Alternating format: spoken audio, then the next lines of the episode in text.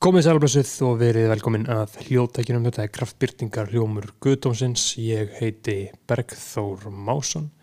Allar ábendingar, spurningar og pælingar og allt svoleiðis bendist bara á mig á öllum þessum samfélagsmiðlum. Það getur leitað að nafninu mínu þar.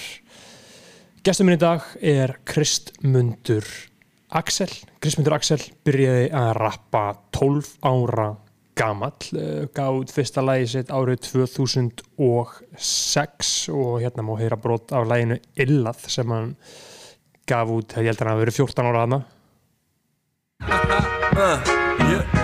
Kristmundur Axel. Já, já Studio 112 Árni J Ég gróstu þann þig og þú veist hvað ég meina. 100% svo það þýðir ekki að reyna. Begla, var út hér er engin friður. Krúið er mætt og þú fellur niður. Ég og síðan þegar hann var 17 ára tók hann þátt í framhaldsskóla söngvakeppni, söngkeppni framhaldsskóluna með hinnu síkilda íslenska lægi komdu til baka og varð svona nokks konar barna stjarnar Hann hafði verið óvirkur alkoholist í 11 ár. En þann 16. júni 2008 fjall hann aftur hlustiði Það voru eitt sinn feðgar sem að elskuðu hvort annan Þetta að tvengja manna teimi sem að engi gætt skadan Gætt enga vegi hrapað Þeir voru allt og nánir. Sjáið strákin í návist og báði þeirra álin. Að ástin varð að báli Hvað gerðist? Ég sakna þín. Höfðum það alltaf fínt. Við lifðum í paradís. Bara við tveir. Myndum þann heim og pappi snúðu við. Þú ert að fara vitlausa leiðilega Jú, classic, classic síðan held hann áfram uh, hægt og rólega og uh, gaf út tónlismömbönd hér og þar og hérna hlustu að brota versinans í nýjir tímar uh, frekar klassís lag Vokkar eru hundarnir mínir. Mínir Vokk, vokkar eru hundarnir mínir. Þú veist hvernig ég rúlla, Chris.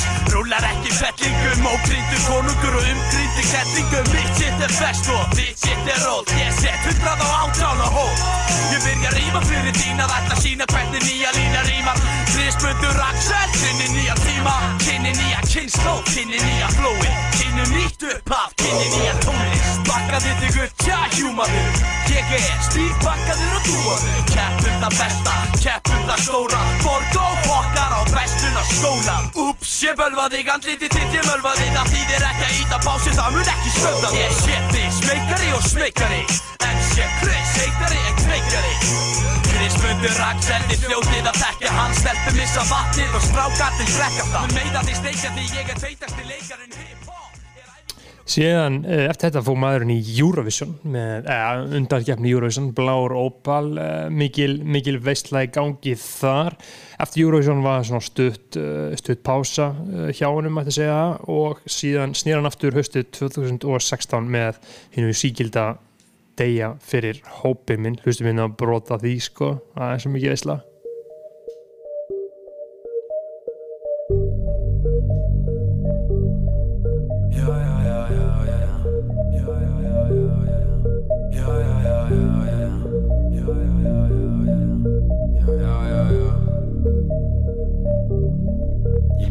veistla Ég myndi deyja fyrir hópið minn Ég myndi deyja fyrir hópið minn Deyja fyrir hópið minn Deyja fyrir hópið minn Ég myndi deyja fyrir hópið minn Ég myndi deyja fyrir hópið minn Deyja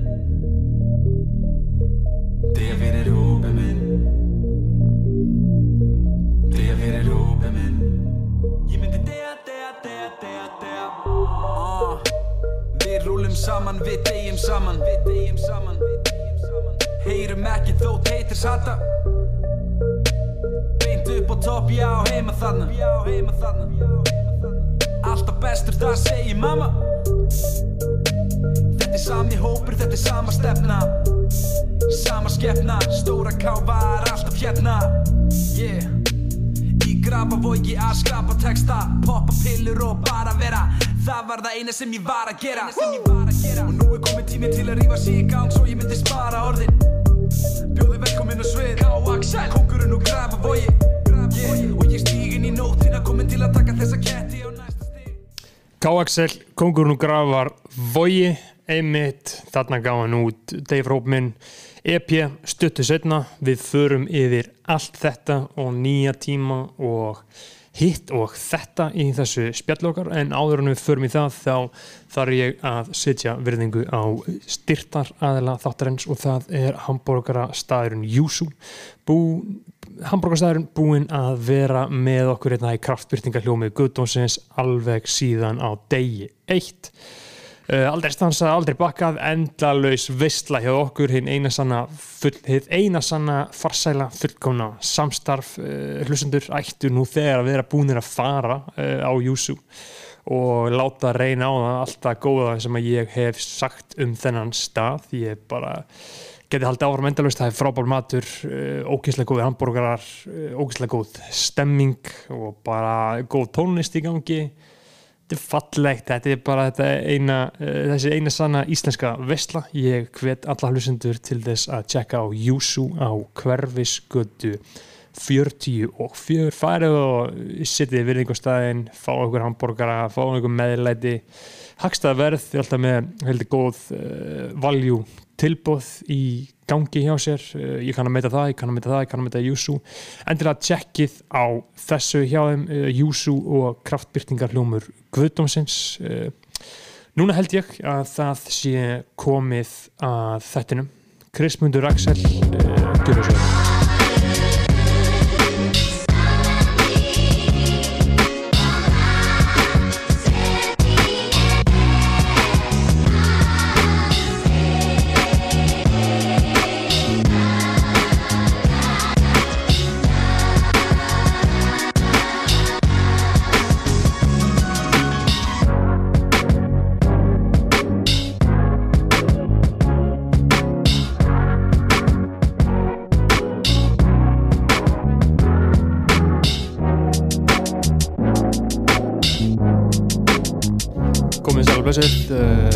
til mín er komin Krismundur Axel, verðu kærlega velkomin Takk fyrir það hvað segir kjellin? Ég er góður bara Það ekki? Jú, ég er bara nokkuð, nokkuð brattur sko Hvað er þetta búin að vera fínt það? Já, bú, e, já þú veist hérna, Jú, það er búið að fara vel með mig sko Já. hérna, Einmitt, ekkert bitna á þig persónulega? Nei, ekki nýtt Nei, maður náttúrulega, jú, jú, þetta er alltaf eitthvað Þetta er náttúrulega bara leiðilegt, skilur Þetta er svolítið svakað sko. Já, þetta er bara leiðilegt þannig, að, hérna, Jú, jú, en ekkert eitthvað meira það?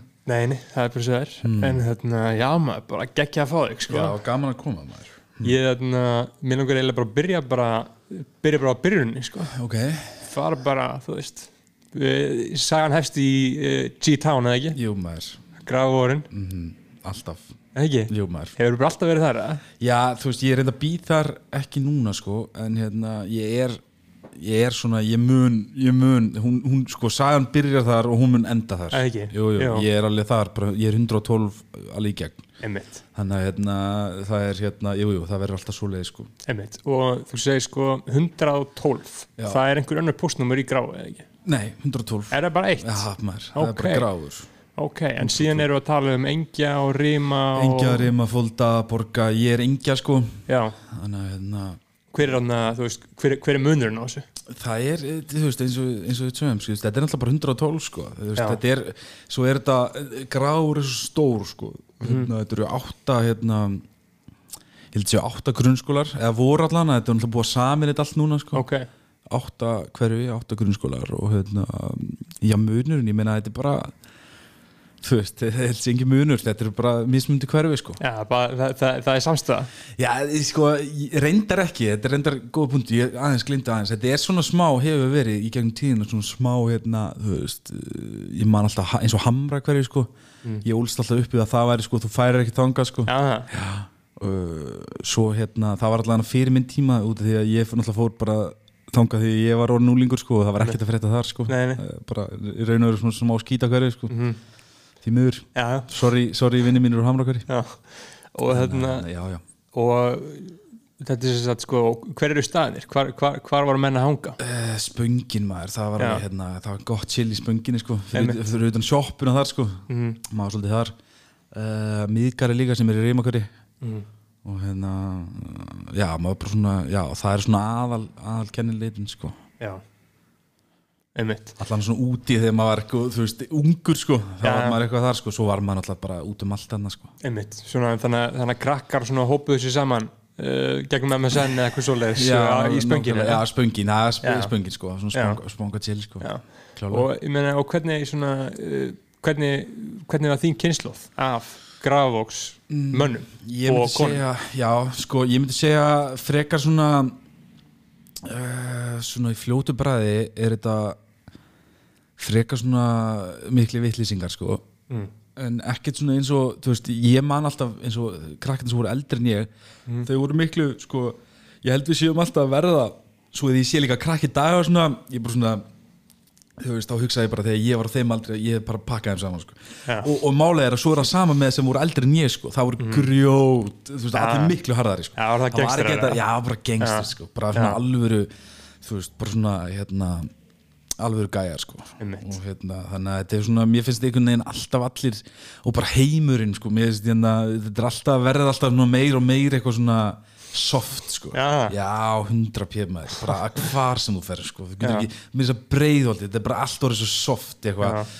þú veist, það bara fylgir þessu fylgir þessu samfélagi sem við lifum í sko. þetta er bara hérna, svo er alltaf ykkur einn og einn ykkur vittlýsingar og, og, og ykkur Já. hérna en þetta er alltaf einhvern veginn aðeins að, að, að hérna linast sko. en ég er það ekki bara mætti ekki bara kalla það jákvæða þróun Jú, raun og veru sko en þú veist, auðvitað samt hérna þegar maður, þú veist, þetta endurspegla sér náttúrulega líka bara í í raun og veru tónlistin eins og Já. rapp og svona, ég meina hvað hafa þessi gæjar að tala um í dag veist, þetta er náttúrulega bara hérna, tala um kannski bara hérna, eitthvað feminista og eitthvað, þú veist, sem ég náttúrulega sem er ekkit að, það er ekkit að feministum sko, ég fíla feminista og er náttúrulega svona, ég er alveg svona pínu feministi sjálfur sko, þannig ekki Já. miskilja sko, en hérna ég er bara svona, en það er samt svona soft, þú veist fer ekki að rappa um það sko nei, nei, akkurat, Þannig, að hérna, akkurat. en ég, ég veit ekki hvert ég er að fara með þetta sko. en þetta er bara svona basically já, þetta, Já, er svona, skil þig. þetta er svona aðeins soft, meira soft en það var já, já, þetta er og við vorum meira, sko, meira soft en þe- þeir sem voru undan okkur sko. þannig að hérna, þetta er svona alltaf þú veist, og bara eins og rapp í dag, ég meina rappar í dag þetta er alltaf bara aðeins að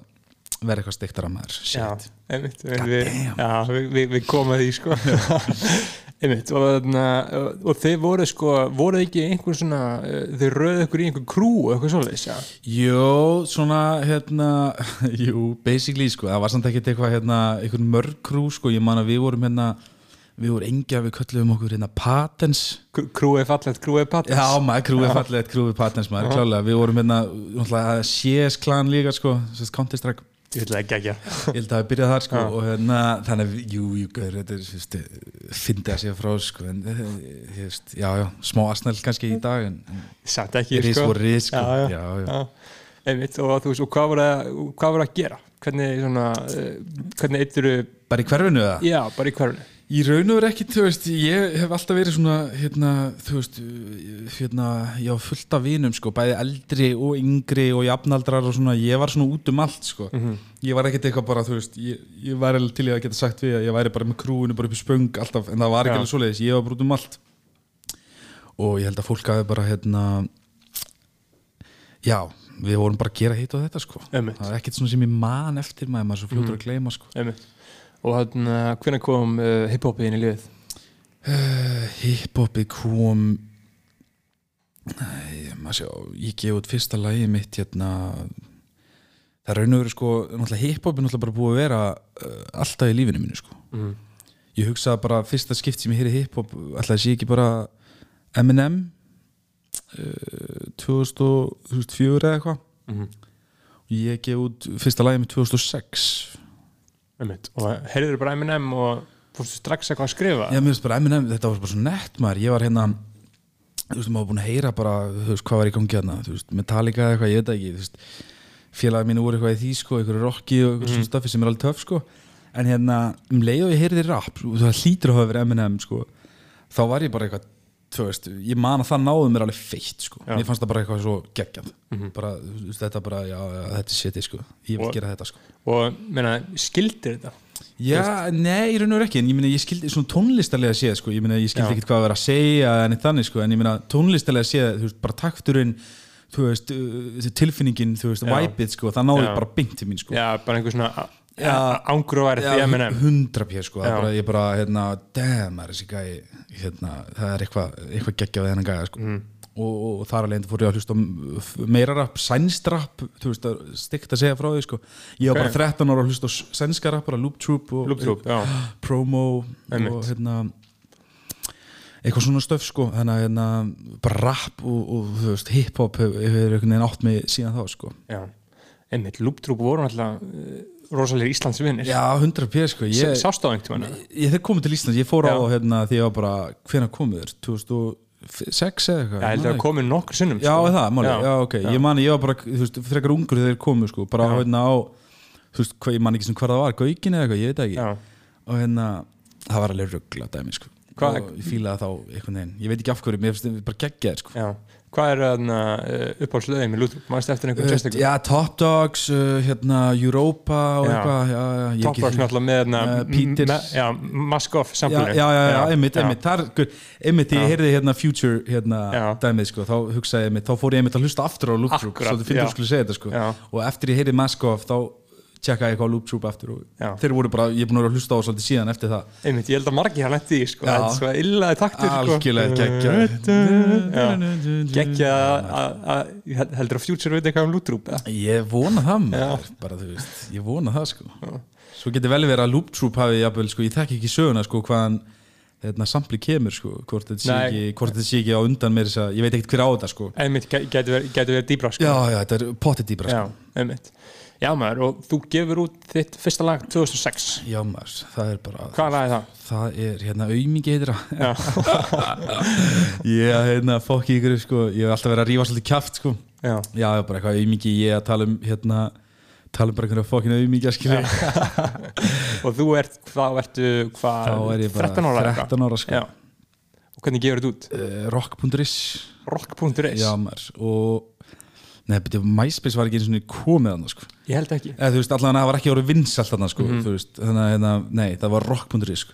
og bara MSN sko, þú varst bara eitthvað að senda fælin þar eða eitthvað sko Mhm. og hérna, já, rock.is maður, það var málið Einmitt Og þú veist, fannstu bara eitthvað takt á netinu og uh, Nei, ég held sko, þetta byrjaði hérna ég, hérna, eh, ég er sem sagt með strák í skóla sem heitir Daniel Alvin Einmitt og hérna, hann er tveimur árum eldri en ég sko og hérna, mér fannst hann eitthvað svo nettur maður og hann var Mhm. alltaf eitthvað, ég veit ekki alveg þú veist, ég man þetta ekki alveg 100% sko, en Mhm. einhvern veginn er ég komin heim til hans og við erum eitthvað bara hann er eitthvað að sína mér, hann sé að fara að rappa og ég er bara eitthvað gaur í á maður, ég hef alveg, þú veist, ég hef verið að pæla í Mhm. þessu líka maður og, og einhvern veginn verður uh, hérna, eitthvað lög út sko, þannig og í kjölfarið á því ger ég aumingi í þarna lagið, Mhm. droppa því og, og, og hérna, það er bara hræðilegt lag, veist, það Áttu það? Já, já, já, klálega sko, Já. já, það ekki starf og hérna, þetta eru ömuleg lög, sko, ég segi, ömuleg lög, en hérna, þú veist, já, maður er að byrja Já, en hérna, uh, já, svo fer ég á T alveg á fullt, sko, eftir það, sko. einmitt Og hvernig, hvernig er það að ferli?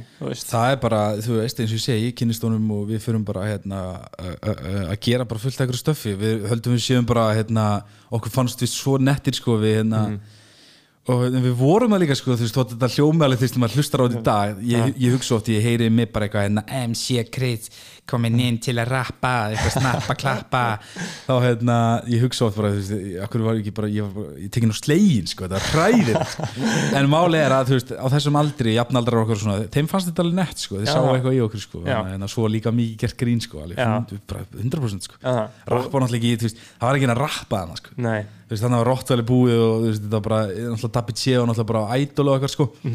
En annars var ekkert svona, það var ekkert það var engin sena í gangi Nei, við vorum að tróða okkur í eitthvað sem var ekki eins og til sko, og bara eitthvað, þú veist, þetta var svo Já. Eða búa það til. Já, í raun og veru, þú veist, ég meina þannig að, hérna, sem betur fyrir heyrið þetta ekkert eitthvað rosa margir. Nei, akkurat. En já, og, og þú segir að þú, þú, grunn, þú vorum grunnskóla Já. þú veist, það, fólk var að fíla þetta. Já, fólk var Já. allavega hérna, kannski þorðaði ekki segja annað eða eitthvað. Nei, nei, ég, ég, veist, ég man alveg eftir við, þetta var alveg, þú veist, ykkur stað kom sjálfströsti, sko, ég man alveg eftir að það, fólk var fylgda, við vorum að spila alltaf í hérna félagsmyndstun okkar, skilur Mhm. og hérna á öllum böllum og veist, já, við tróðum okkur á öll böll, sko. Mhm. og hérna, já, já, fólk var að fylgda, sko. Og þú og Daniel Alvin, alltaf saman Já, maður. Voru okkur fleiri með ykkur í þessu? Nei, það var sko bara ég og Daniel alveg, kvölduðum okkur tvenna guðs. Já, einmitt. Og hérna Já, vorum bara tveir sko. Svo í kringum okkur var hérna Gunni Junior svolítið sko sem er strákur uh, grái sem, ég, sem hefði átt að halda áfram sko. Hann var alveg geggjaður sko. Hlynur, Speg uh, Valli Pardo sem var í þriðuhæðinni þetta var svona allt í kringum okkur sko. Já, einmitt, og sama tíma. Akkurat menn svona að koma upp og byrja að rappa. Já, já, klálega einmitt, Ar Aron Taktu líka ekki? Jú, hann kom svona aðeins setna en hann Já. var, já, klálega, hann var hérna Já, kannski kom hann, jú, hann kom aðeins setna sko, en hann var hann, já, hann var alltaf eitthvað í kringum okkur sko, hann er aðeins yngri sko.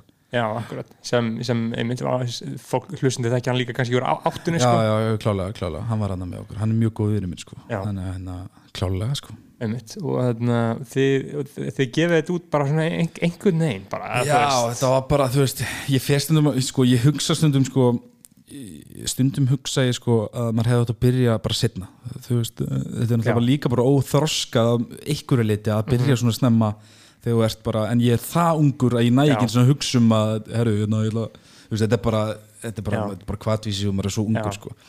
en á svo öðru liti sko, þá er ég líka þakkláttur að hafa að byrja svona snemma og út af því að hérna veist, í, í dag er ég búin að rappa lengur en í raun og veru bara flest allir sem er rapparar á Íslandi skilur þannig að hérna, maður býr yfir þessari reynslu sko, að hafa hérna og, en, og svo, svo sér maður þessi gæja byrja í dag sem eru hérna, byrja bara geggjaður Já, já. þú veist eins og Aron Kahn, þú veist, hann mæti bara geggjaður, Já, hann já. er bara greinilega búin að sitja á þessu eða bara, ég veit ekki hvað sko, byrja Já. bara aðeins þannig að ánátt, ég myndi alltaf mæla með því að fólk geri það, en Akkurat. annars bara hérna, jú, jú, þetta var samt gaman skemmtlegi tímar Já, ég held einmitt að það séu bestu ráðin sem að ungi rappara geta fengið er að sitja á tvö ár 100 p sko, bara setja aðeins á þessu sko, Já. að þetta getur, veist, það liggur ekkert á þessu, þú ert væntalega ekkert 100% reddi þegar, þegar þú heldur sér reddi sko, Já. endur sko en eins og með mig, veist, ég er raun og veru 12 ára þegar ég er að pæla í þessu sko, ég Já. er bara það ungur að ég næ ekkert, það er ekki, það er ekki þroski í það að taka ykkur svona ákvörðun sko, þannig að ég fepp bara og er bara eitthvað, þú veist, Já. shit, gerði mig bara, þú veist, ég bara vona að enginn aldrei hlusti á þetta shit sko.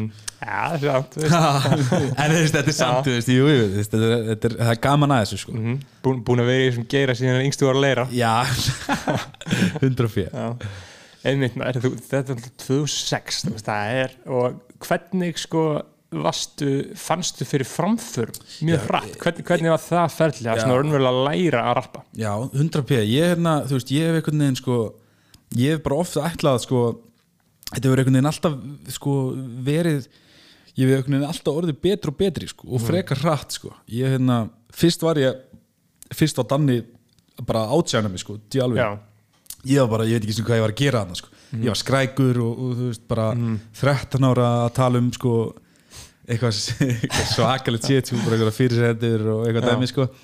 eh, þannig að hérna, þú veist uh, já, eins og ég segi þá, þá einhvern veginn hef ég samt já, ég hef alltaf orðið betri og betri og freka fljótt sko. Veist, með minni það allavega sko.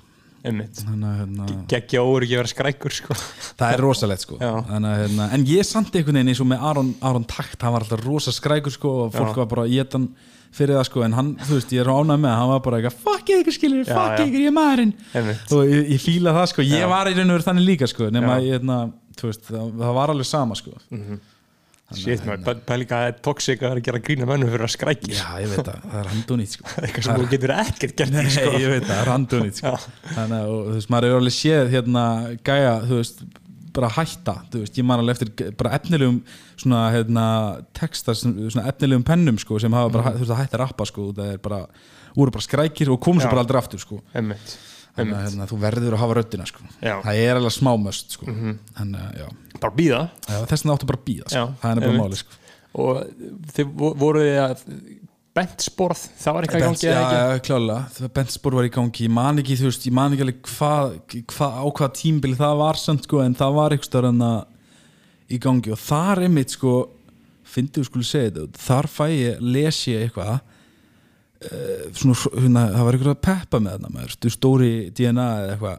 Dóri Dina? ég, ég, þú veist, svo kannski var þetta bara eitthvað fake aðgangur skilur, ég veit það ekki, en það allan, ég man alltaf eftir þessu út af því að það gaf mér alveg feitt og intro beats líka, ég man að þeir voru eitthvað, hérna, það var eitthvað sem postaði lægin okkur hana og hérna og það, það, þessi gæja voru eitthvað að peppa, peppa mig bara, já, efnilegu gæja þarna og, og þetta voru bara, bara hetjunda mína sko, Já, og ég man að þá var ég bara, ok, shit, ég er að fara að gera þetta shit, sko, mm ég er 14 ára og þeir eru, eða 15 eða eitthvað og þeir eru að peppa með feitt, sko, þannig að ég held bara áfram, sko, einmitt, einmitt. Þannig að það var hvetjandi, sko. Já, og síðan uh, 2007 þá kemur óhefur málfár út. Með Já, Dabba. með dabba, Já. og uh, eru þið að hlusta það? Já, byttu fyrir þér, sko, það var bara shit okkar, sko. Og við vorum líka að rúlla með dabba sko. ég hérna, svona smá, sérstaklega dannir einnig, ég var náttúrulega svolítið ungur sko. ég Já. átti ekki alveg svona ég var hérna, þótt ég var rosa þroskaður sko.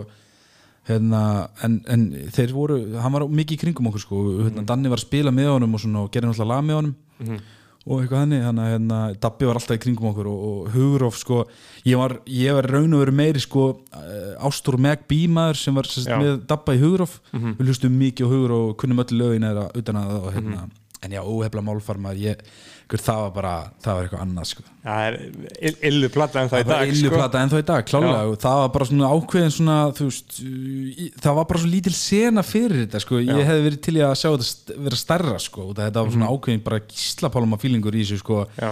en það var bara ekkert pláss fyrir þetta einhvern veginn sko. Nei, kom, Ekki- það var ekki til Nei. infrastruktúrin til þess að svona dót virki sko. Nei, þannig að en einn stórt þetta var sant en þá bara, var það bara í, í þessum ramma sem þetta, bauð upp á þá sko en geggjur plata maður og Dabbi bara, þú veist, bara legend sko. Já, og hann, hann alltaf talaði um þegar hann kom í auðvitað mín sko, að hann hafi lagt rosa mikið upp úr í að vera góðu gaurið ykkur. Já, klálega, hann veist. gerði það, hann var alltaf þú veist, hann var alltaf hérna, einhvern veginn þarna skiljur, bara reddi að hjálpa og Já. ég man að hringdi stundum í okkur bara og hérna, komið hittum í sík og eitthvað og hann var alltaf hondu akkord svona svörtum. Hann var alltaf eftir þessum maður og með síthár og, og einhvern jesúkross í, í, í hérna, bílnum. Og hérna, tjú, það, já, það var gott að fá hann í hverfi sko, og þá var hann bara eitthvað já, klálega, ég man alveg því, hann kom oft og var eitthvað að leiðbina manni og og ég man eftir því að ég sendi Dabbi eitthvað tíma lag eftir mig og ég sagði bara, dút, hérna, hvernig, hvernig finnst þér þetta maður og hann bara, gaur, viltu að ég sé hreinskilina ég, eitthvað, já, Já. dút, þetta er hræðilegt sko. og ég bara, já, ok maður hérna, já, ok, takk þú veist, bye Var það ekki bara fínt að það? jú, fínt maður, ég er hérna fínt klálega, ég ánaði með hann sko. Já, og það, það lag fór líka ekki neitt sko. nei, bara sem betur fer sko. Gekkja að Dabbi að vera svona OG en samt bara eitthvað 17 ára Já, hann, er bara, se- hann er bara 17 ára, hann er alltaf 88 minni mig, Já. uh, hann er hérna já, nákvæmlega, hann var bara OG þannig, sko. Meina það var líka engin þetta var ekkert, það var ekkert mikið stærri en það, sko. Nei, þú veist, Rottvæli voru svo eitthvað, það var svo fjärstæðukent eitthvað að vera eitthvað í kringu þá, sko, Já, einmitt. Og síðan, síðan kemur MySpace. Ekki um MySpace, sko. Hva, hva, Með hvað ert þú að vinna þar?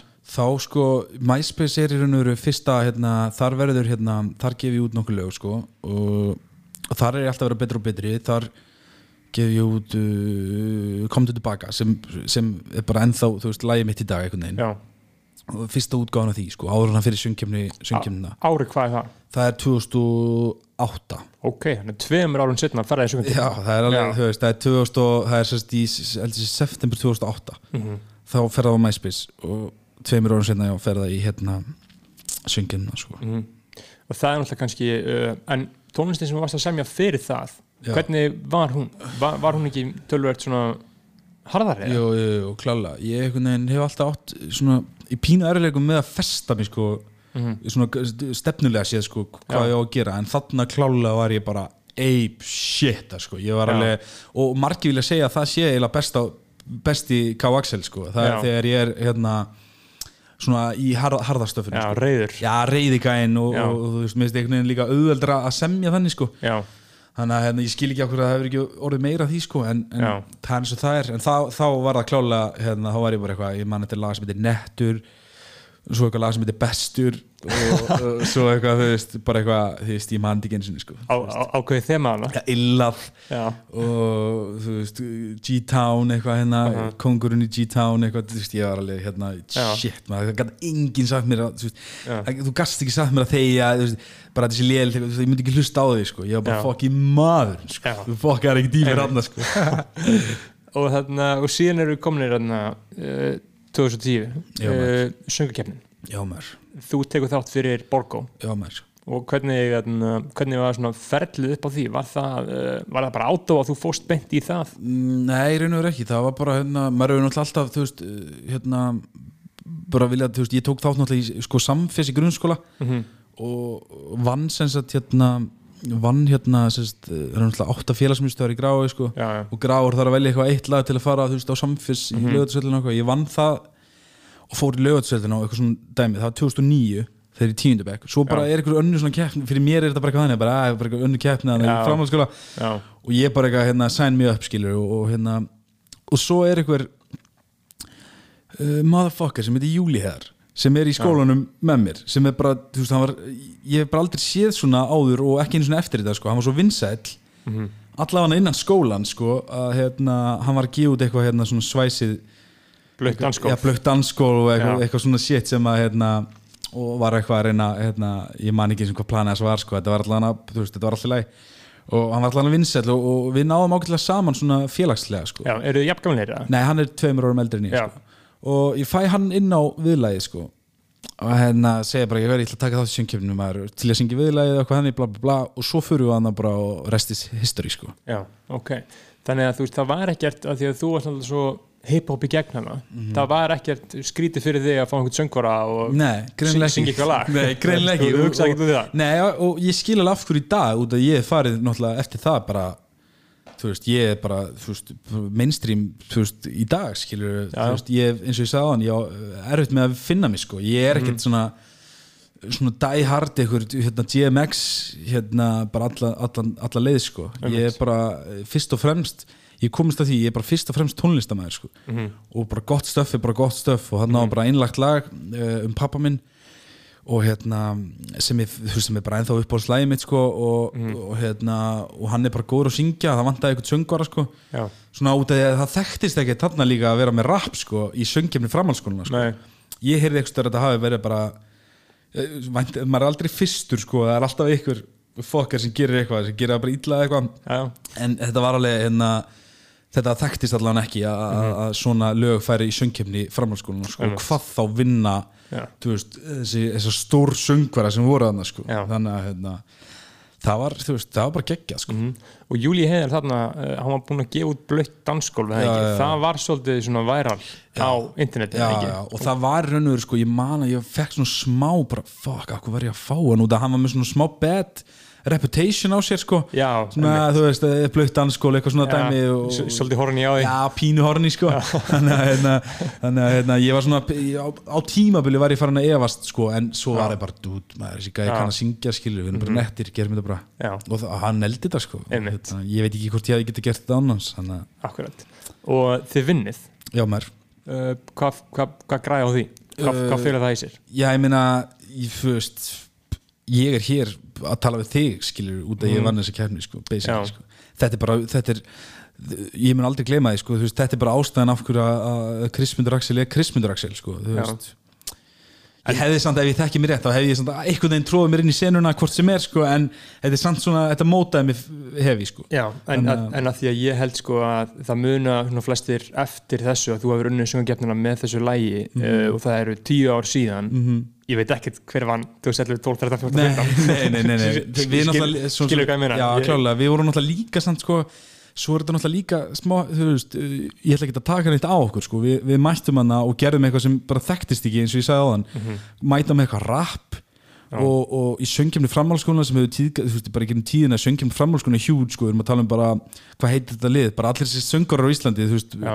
Magni hérna, Sverri Bergman, Ragnar Gröndal eh, þú veist, allt þetta lið, það er byrjað þarna sko, þetta er alveg svona hjút stökkpallur Mhm. Var allavega, í dag er þetta náttúrulega bara döð þannig að ég man að við mættum hana og mættum bara eitthvað rap og, og hérna, unnum hérna, símakostningu og domnöndina og allt og bara met áhorf, ég man ekki hvort það hafi verið bara það var sínt í opinn dagskóð stuð 2 það var bara eitthvað met, það hafi aldrei, ég held að það hafi aldrei fleiri hort á þetta og eitthvað. Þannig að hérna Uh, það, var, það var alveg geggja og svo eins og ég ætla að segja á hann við erum svolítið, svo svo skrýttin tíma svona þegar Facebook hann að byrja og, og árið eftir er eitthvað svingkefni minni með haldi bara just, ég hafna fyrir eitthvað, just, ég veit það ekki en, en kannski, ég veit ekki af hverju þetta var svona, við vorum allan mjög hefnir líka sko, að hérna, fá þetta tækifæri og, og hann stökkball sko Einmitt, og þú ert 17 ára hana og Já, ég er 16 ára sko Já, 16 ára. ég er 17 ári já, samt já, og verður svona næstu því svona þú ert það ungur eða bara barnastjarnar Já, svona smá, ég man alveg eftir ég, hérna, það var svona, já, svona pínu þannig sko. Já, allt í einu vita bara allir Íslandi hver er að því náttúrulega líka sagan og bak við lægið Já, já, eh, var svo sterk. Já, þetta var hjút sko, þetta var bara, hérna, ég hef aldrei lent í svona, svona dæmaður sko, þetta var alveg hjút og í raun og veru réði ég ekkert við þetta sko. Og áttalega eftir að finna fyrir því setna mér að hérna að þetta var alveg hjút fyrir mig og, og, og ég held, fyrst var ég svona kokki með þetta, ég held ég væri bara, ég hætti bara skóla, það var bara bila að gera ég held ég væri bara, þú veist, bara ég er bara, þú veist, ég á þetta land, skilur, ég var alveg þar sko, þú veist, bara hálf astnalegur sko. Og hérna, en svo var þetta bara ómikið fyrir mig eða eitthvað er sko og ég náði ekkert að skipa, ég fór að svíkja ég, náði, ég bara lofa mér hér, lofa mér þar og það var alveg hjút, ég gæti ekki fara út í búð þetta var svona smá svona þú veist, með eitthvað Ísland er lítið sem maður sér þetta ekkert í dag held ég sko en ég man að ég, ég, það var svona smá svona bíper feelingur í gangi sko. Ég, bara, ég gat alltaf farið, þú veist. Já, allan í þetta hálfa ár sko, svo var þetta Já. drögg saman sko. Ég var alltaf bara hættur að gefa út og þannig að þetta var bara svona smá sko. Já og, en náttúrulega stuttu eftir líka kom, það byrtir alltaf til Já, það kemur svona alltaf langt eftir sko. Þá, það er sömarlag sem kemur út um vetur sko, út að ég, Já. ég sérst, Stop It Go hefur samband um mig og hérna og stutt eftir ég vinn söngjumna og Mhm. ég hérna fyrir að gera þetta lag, byrðir alltaf til, geggja lag Mhm. og svolítið svona nýtt fyrir mér þannig er ég svona basically að vera svona smá svona ekki harðið gæin allavega Mhm. og en svo bara mæti ég aldrei í stúdíóið ég er bara eitthvað farin að drekka uh, reykja weed og eitthvað og svo fer ég, við klárum, ekki, við klárum þetta ekkert fyrir í oktober sko. Ok, þetta, þetta, þetta lag sem á svo, svo mikið að koma út bara í mæ eða júni, þetta er svona ekta þannig lag sko. Já. þannig að það var það aldrei það sem ég veit að hefði orðið sko. en það var nú samtalið vinsælt samt var það vinsælt en Já. ég meina þú var samt bara veist, ef að það byrtir alltaf til myndi koma til út núna sko, veist, það myndi ekki mega sens sko, veist, það er bara grátt úti og það er ekkert að fara að byrta til skilju en uh, og, þarna, og þú getur þá lifa á því að lifa á tónlistin Já, ég lið- þarna- þú fær gig og borga já, og, hund- 100 p sko, náttúrulega ekki nærja mikil peningur og er í þessu dag sko, Nei. en ég lifði alveg á þessu þá sko, alveg í smá tíma. Ummitt og hvernig voru þú veist, var bara að vera bókað til að spila einhverjum klubbum og Já, fyrst og fremst sko, það var alltaf einmitt eitthvað vesen út, ég var náttúrulega ekki með aldur til að vera inn á þessum klubbum og eitthvað Já. og það var alltaf eitthvað vesen með það. Uh, þannig að já, ég var bara hér og þar og náttúrulega bara nánast öllum grunnskólabölum og öllum, já, ég man ekki, var ég á mentaskólabölum þá líka? Örgulega eitthvað sko, já. Jú, ég var á eitthvað mentaskólabölum líka. Og varst þú bara bókað allt sjálfur að sjá um þetta? Já, basically, fyrst var gæi sem heitir Tindur með mig, svona umbúrsmaður minn sem var sem sagt, hérna, sá um söngjumna hann Já. bara held utanum mig meðan söngjumna var og eftir hann aðeins.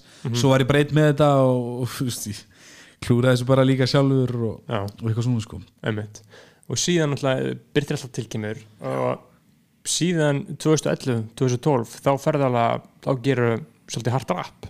Já, 2011, 2012 sko, einhvern veginn ég nákvæmlega, við erum að, ta við erum að tala um að ég held að líða tvö ár sko á milli laga þannig að byrstist þetta til. Einmitt þegar ég á að vera að gera miklu meira sko uh, ég fer náttúrulega í neyslu þarna og eitthvað og já, fer að gera hard rap en samt á sama tíma 2012 fer ég í Eurovision sko já, sem er náttúrulega sko, kannski ekki alveg hard rap en, en hérna þú, þú, þú segir að mér svolítið svona óbeitt á svifni Já, ég, sko, ég hugsa að það sé eitt af steiktasta sem ég gert sko. Ég náttúrulega, þú veist ég skil ekki alveg, ég skil ekki alveg sko, ég er svo kvatvís, hef alltaf verið í gengum tíðina. Í dag, náttúrulega, ég hef aldrei átt að gera þetta sko, en, en samt einhvern veginn var þetta samt skemmtilegt sko, þarna mættum við aftur einmitt með eitthvað svona smá rap og, og í raun og veru unnum þetta, við náttúrulega unnum símakostninguna sko, áttum að fara út Já. fyrir hérna Íslandshönd en hérna domnvendin Valdi Jónsa og, og hana gæluna að hérna mann ykkur eftir því lagi í dag nei, það, þú veist, ég held ekki sko. Það heitir einmitt mundu, mundu eftir mér Einmitt. það lag sko, það er samt mann engin eftir því sko. Ger- gerist anstæðan já, já, en þú veist, það var bara fínt að ég fór ekki hérna út maður, shit, þá væri ég kannski bara þekktur sem ságæi já, já, núna sko, ég var einmitt bara ekki í góðum stað í lífinu annars, sko. það það var bara fínt sko, en þetta var samt alveg reynsla í já, það var svona, þú veist, rúf þetta júrósum dæmi, þetta er í raun og veru svona eitt stærsta gig sem þú færði á Íslandi sko.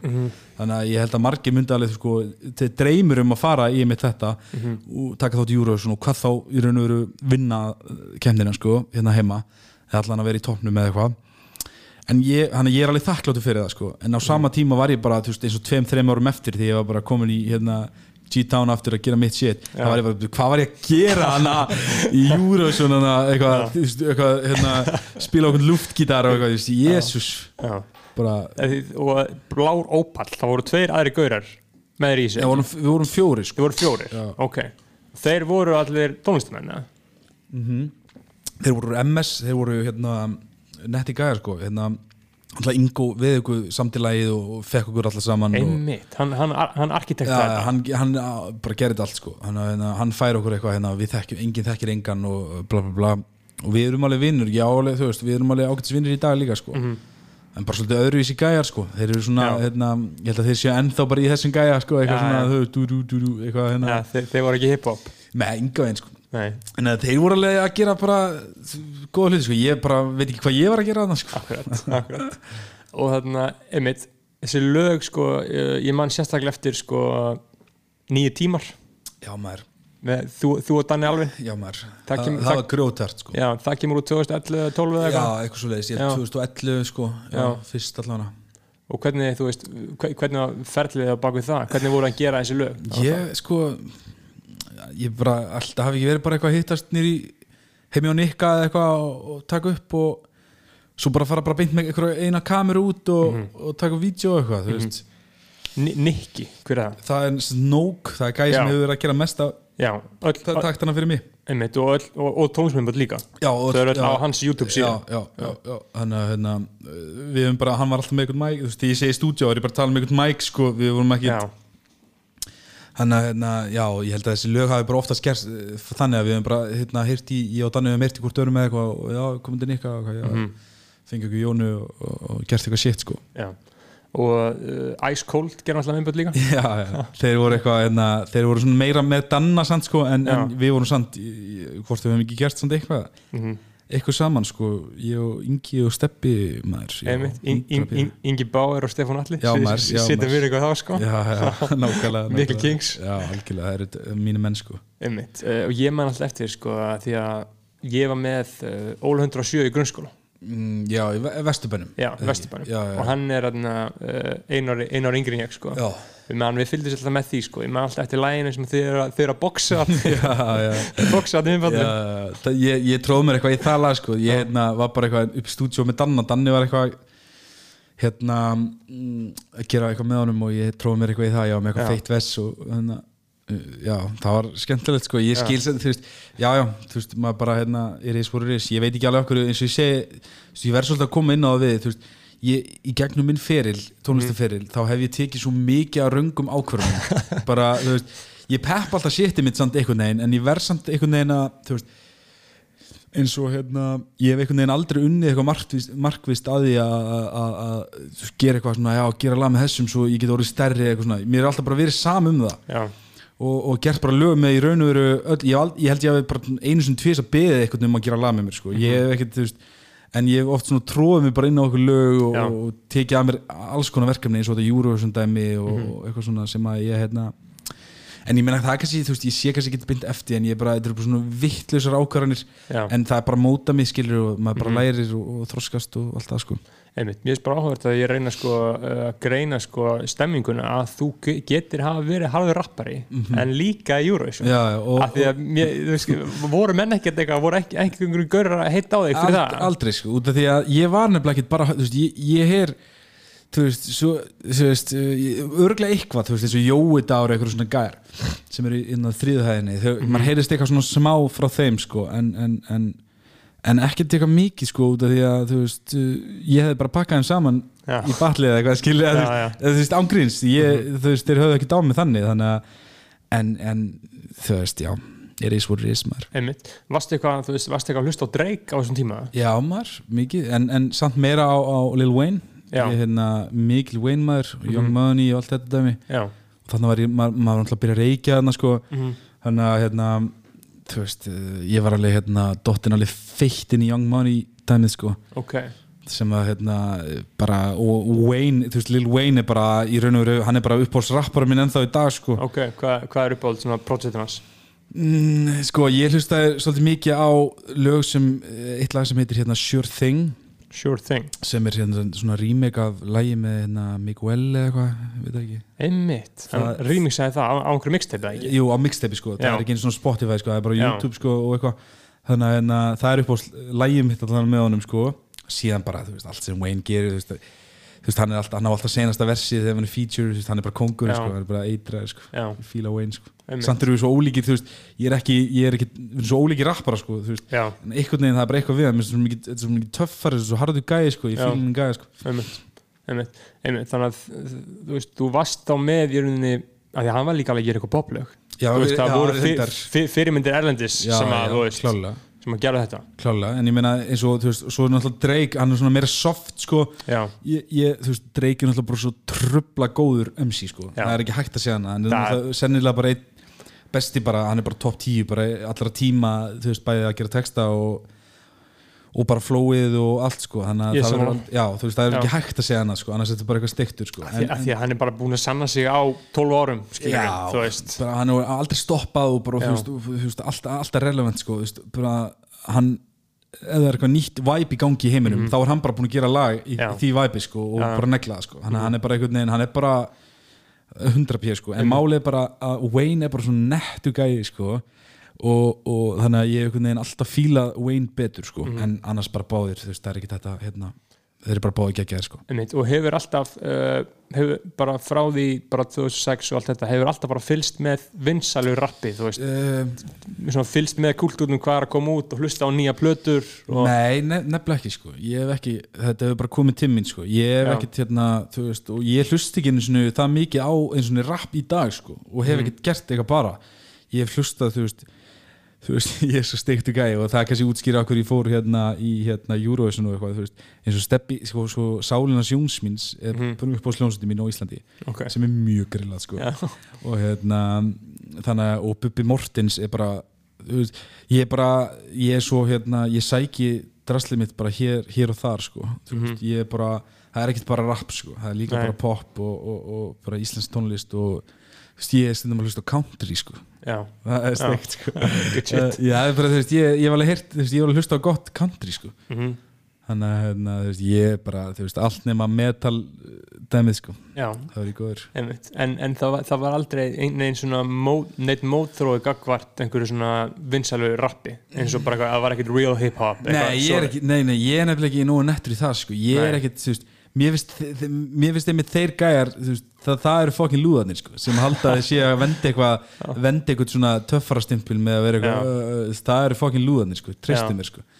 Veist, en ég svo sem ekkert eitthvað ég fíla samt ekkert heldur eitthvað allt og eitthvað mainstream, þú veist, eitthvað hérna eins og þegar Kendrick gerir lag með þú veist, Taylor Swift og eitthvað ég er alveg, þú veist, ég fíla ekkert lag en ég, ég, ég skil alveg okkur hann að gera það sko. já, já, veist, það er bara, en, að- bara sæ, sækja sinn póka ég er bara 100 p sko, bara nákvæmlega. Þannig að ég hef aldrei eitthvað, þú veist, ekkert á móti sko. Nei, einmitt, einmitt og síðan, hvað hva ertu að gera hana eftir Blárópal? Hvernig ferðu svona uh, út úr því þegar þið lendi hana í öð, öðru seti? já, eh, sko, ég lendum eiginlega í fyrsta seti sko, nei, nei, við lendum í öðru seti klálega, bara thank god sko. en hérna eftir það, þá náttúrulega hérna, fer ég bara í meiri neyslu í raun og veru Mm uh, og hvað, 2012, þú veist, ég pott þetta að gleyma ykkur sko, en veist, eins og ég man þetta núna, þá kemur bara ekkert út fyrir en kannski 1 2014 eða eitthvað og svo bara, þú veist, 2016 eða eitthvað Já, þú veist, við talum bara fucking fit gap en það sem gerist ekkert sko Þegar, þegar kompaki kemur hana, þegar, 2016. þegar Já. degja fyrir hópum minn kemur Já. það, það, þá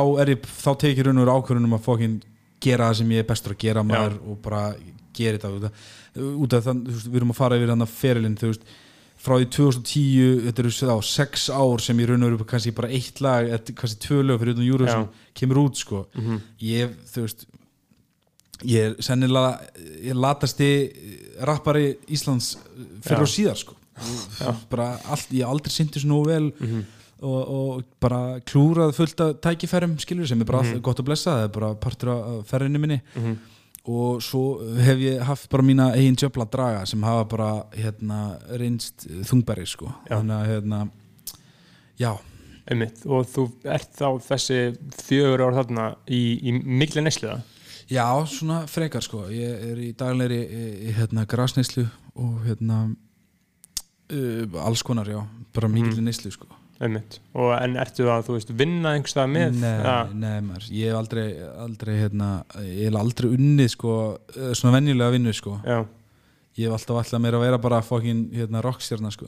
Mhm, og þú veist, lifað á því oft sko. En svo náttúrulega þegar að svo hefur bara verið að ganga illa þá hef ég náttúrulega bara verið í neyslu og, og gert hluti sem að gera þar sko Einmitt. til að fleita sér áfram. Mhm, þannig að hérna, já maður.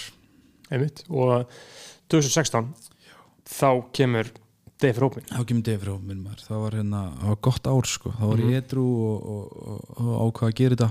Mhm, og hendi í, í hérna, eitthvað lög, já eitthvað mixtape, nei hérna eitthvað hérna, EP, svona smáskífu já, og degi fyrir hópin gaf það svona fyrst aðeins út sko, það var Mhm. geggjað, það var gaman sko það var, ég var búin að gleyma hversu gaman það var sko já, og það fekk alveg svona ágætis bara hérna, þú veist, hæp sko já, það var bara svolítið vinsælt já, svona freka vinsæld, Já. allavega svona þú veist, hérna, innan svona ákveðins ramma í senunni, senunni sko. Já. þú veist, það var ekkert eitthvað hjút sko, en það var svona, það, og það eru lög sem ég vill vera að gera sko Mhm. Og, þetta, og þegar þetta kemur út er náttúrulega bara íslenska rapp umhverfi gjör breytt Já, það, það, þá er nákvæmlega þarna er bara, þarna er þetta orðið svo hjúts maður það er Hvern, sko. hvernig horfður það? Hvernig fylgstu með þú veist gíslabálma? uh, Já, Gísli Pálmi er náttúrulega bara eitraði sko og breytti, breytti leiknum sko uh, sko mér einhvern veginn sko, þetta er svo skrítið sko mér hefur einhvern veginn uh, ég- sko mér hefur einhvern veginn fundist ég alltaf gleymast í allri umræðu þegar kemur að sko veist, og ég skilða alveg samt líka, þú veist, ég er Mhm. náttúrulega ekkert aktífur og hef ekkert verið að gera neitt en, en þú veist, ég gleymi samt svo oft í umræðinu um, veist, bæði einhverjur, þegar verið að tala um einhverja bestu rapparana og uh, og bara svona ég veit ekki hvernig ég orðið það, ég finna bara svona væpinu, ég bara svona, og ég skilða það ég hef náttúrulega ekki gert neitt til að halda mér nafninu mín á lofti, sko, þannig að ég skilða alveg mjög vel, en ég veit alveg að, að hérna, þessi rapparar í dag, þeir voru allir að, hlusta á mig þegar þeir voru yngri og, og, og og, vita hvað ég er uh, bara, já, hvað ég er góður rappari sko, þannig að hérna, það alveg dugið fyrir mér, en ég stundum hugsað sko, þú veist, ég náttúrulega missir líka eins og þú segir, þannig að sena núna svo stór 2016, ég missi náttúrulega bara af veist, því öllu sko, þú veist, Já. þegar ég var að rappa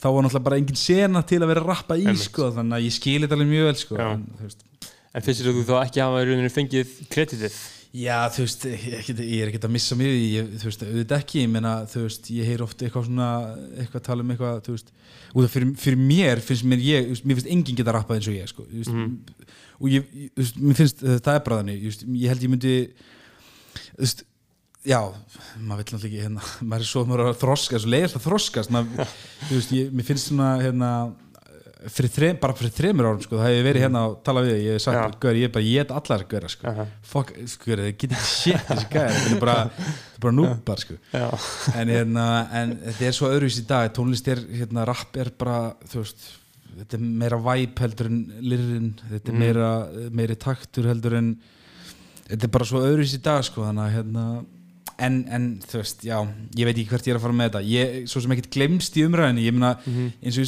ég hef ekkert verið að gefa neitt út sko, þannig að við ykkur býstu skilur. En, en þetta kemur hann út uh, 2016 og þannig að síðan kemur Hva- Hvað líður mikill tíma á milli? uh, svo sagt, uh, frá Defur Hópminn og Já, EP-inu og EP-inu, já. það er bara stutt sko, bara, þú veist, tveir, þrjum mánuðir sko, þannig var ég lóksins aktífur sko, Já. gáð gá Defur Hópminn og, og hérna, hendi síðan í þetta EP og síðan bara aftur alltaf hold í, þú veist, þrjú ára eða eitthvað. Já, en það er svolítið komin aftur og nokkuð svona bara comeback og rebrand KX Mafia og uh, ert með merch og ert að ert ekki, að gigga eitthvað líka? Jú, jú, bara, þú veist, alveg eitthvað en málið er, ég dett samt ég dett í það á hérna, við höldum hann útgáfapartí sem var alveg feitt, bara á gullheldinni bara lítill staður í grái sem tróðfylltist alveg og hérna, það var alveg feitt og síðan hérna, er ég að spila á tífóli og dett í það á gigginu Bara stuttu eftir útgáfuna? Já, það er bara Já. í raun og veru kjölfæri þú veist, þeir tala við mig bara, bara hérna, feit plata, viljum fá því spila og hvað, ég er bara, já, næs maður. Og dett síðan í það á fokkin gigginu maður og, og ég hef bara ekki sér síðan sko. Þú veist, í raun og veru, ég gef út núna bara hérna, hverju á lás, það er bara það er bara það sem kom eftir þú veist, ég- þannig að hérna, veist, það er ekkert grín þegar ég dett í það, sko, það á Já. mig allan og tekum allan, sko, þannig að Mhm. og það er náttúrulega og, en þú dast í það og náttúrulega á, sýndir frá því á Snapchat eitthvað, Já, því miður, því miður ég var eitthvað hérna Hvernig var það eiginlega? það var, ég var bara vel fokkt á því sko og hérna og einhvern veginn datt mér í huga sitt alltaf Snapchat sko Mm.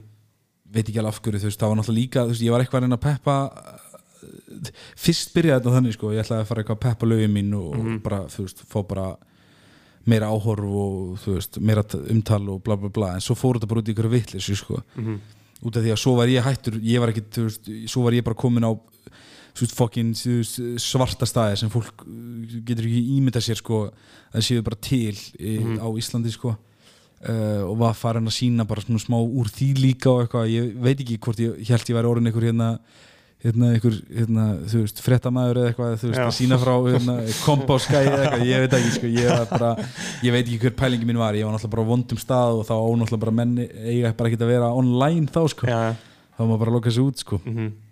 en og, og fólk deildi þessu mjög mikið á milli sín og fæst ekki miljón öll og, Já, ég meina, ég meina, jú, klálega þú veist, snapp er náttúrulega svo, lí, þetta er svo dögt í dag, ég held samt að þegar ég posta snapp í dag, þá held ég sé með 9000 sem horfa á snappi mín, sko. Það er ógislega mikið. Já, það er svona freka mikið með að ég er, sko, ég er engin snappar eins og, sko. Veist, ég sitt aldrei neitt andinn og ég hef ekki reynd að nýta þetta fyrir neitt, sko. Um að svona, ég horfi svona ég er svona blenda tilfinninga við þetta snapp sko. Og ég Já. veit alveg af hverju allir eru annars sko. Ég Já. vil ekkert vera að ég, þú veist, jú, jú, ég gef út nýtt lag og setja alveg inn en Mhm. ég er ekkert að fá alla til að hérna, þú veist, like eitthvað eða eitthvað, ég meika um eitt og en síðan verður eitthrú Já, maður.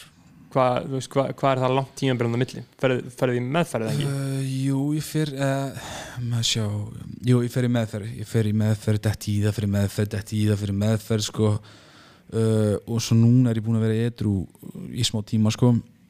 Og hérna þannig að já. Maður er svona eitthvað aðeins að, rífa sér í gang núna sko, ég var í raun og veru meira þess að farin að þarna 2000 og eða sérst í byrjun þess árs Mhm. var ég meira þess að farin að vinna að plötu sko, sem Já. á að vera lungu komin út sko, en, en ég bara hætti við hana sko, bara Já. núna um daginn hætti ég við hana sko, ok, uh, bara tveir mánuði síðan eitthvað bara ég allt reddi og ég bara þetta er bara eitthvað drasl, ég bara, ég bara get miklu betur. Svona er ég líka steiktur sko, ég bara veginn er með fullkomna áratu og hérna en ég, ég, ég man alltaf eftir uh, Facebook status frá þér sko. Já, að þú segir að þú var komin aftur og var ný plata og já, já, bara, það er ekkert langt síðan Nei, það var, var, var ekki bara sumar þannig að hérna, hvað hva, hva breyttist? Það bara, ég einhvern veginn þú veist, ég var með þess að komið fate features sko, ég veist, ég hérna, Byrnir uh, Mælgin uh, og ég man ekki, þú veist Birgir Hákon og eitthvað svona ég, veist, það var eitthvað já, eitthvað svoleið sko, en ég bara, Mhm. mm. ég, mér fannst það bara ekki mér fannst þetta bara, ég fór eitthvað að renna yfir þetta um daginn fyrir Mhm. svona mánuði kannski og ég bara, æ, þetta er bara eitthvað svo þetta er bara eitthvað svo 2000 og, ég, ég veit það ekki, það, það, en það var svona gott í gerðislega, það var svona smá uppgjör einhvern veginn já, á, á, út, ég hafði ekki gefið út eða samið í langa tíma þannig að það var svona, svona smá 2016 væp yfir þessum lögum sko. ok þannig að- ég í svipum dúr og EP Í- Já, í raun og veru sko, það var eins og að ég hafði ekkert þróast nú mikið sko, þannig að ég beilaði bara og, og er að bara gera önnur lög núna sko, sem eru Mhm. bara miklu feitari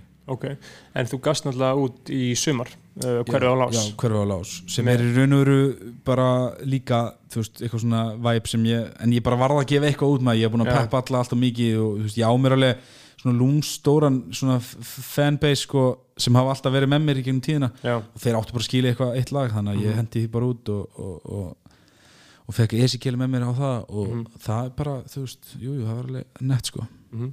og Wyron, prodúseri já maður, það er, það er gerir eitthvað meira með honum eða? já, hann var alltaf var að gera alla plötuna með mér sko já, ok, þannig að hérna, uh, já, já, við höfum eftir að gera eitthvað meira saman sko. ég er bara, þú veist, það er örugglega ekkert eitthvað úkslöðu að vinna með mér sko. ég, ég, svo, ég þarf að hafa þetta einhvern veginn eins og á ákveðin, hátt sko. já, en við náum samt vel saman ég og, og Ímir sko, Já. Warren, þannig að hérna, við höfum pottið eftir að að gera eitthvað saman sko. og hvernig, en, uh, hvernig semur hvernig er það semja þetta uh, Se, sestu niður bara nú ég að skrifa já, texta basically sko, svo stundum er ég líka bara, bara allt í enn dættum mér eitthvað hug Mhm. þetta hefur alltaf verið svolítið þannig hjá mér sko, með þetta er bara eitthvað í hug þá bara fer ég og skrifa það niður Já. og, og hérna en ég er samt meira að fá taktana og skrifa yfir þá heldur en að skrifa fyrst textan og eitthvað þannig sko.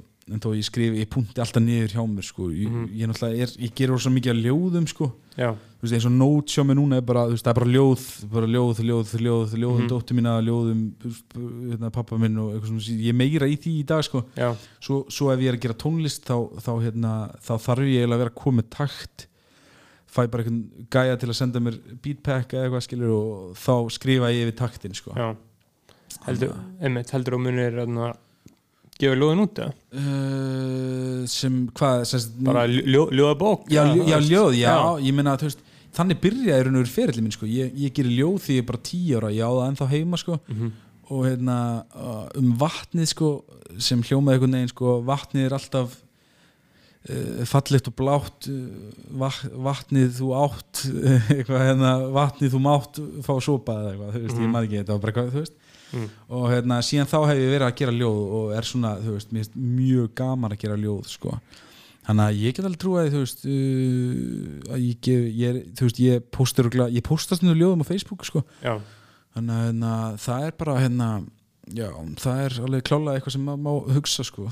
Bara neklu ljóðabók, beila bara á þessu beila bara á rappinu og já. Get out the game, gerast skáld. Já, maður, 104 og hérna, en hvernig var sko að þú veist tala um öll þessi features á plötunni sem úr hæ, hættu við núna? Mhm. uh, hvernig svona hvernig ertu búin að vera að tengja við svona, þetta voru allt nýju gaurar eða Byrnir og Mhm. Byggi, Byr, Birgir Hákon og þú veist.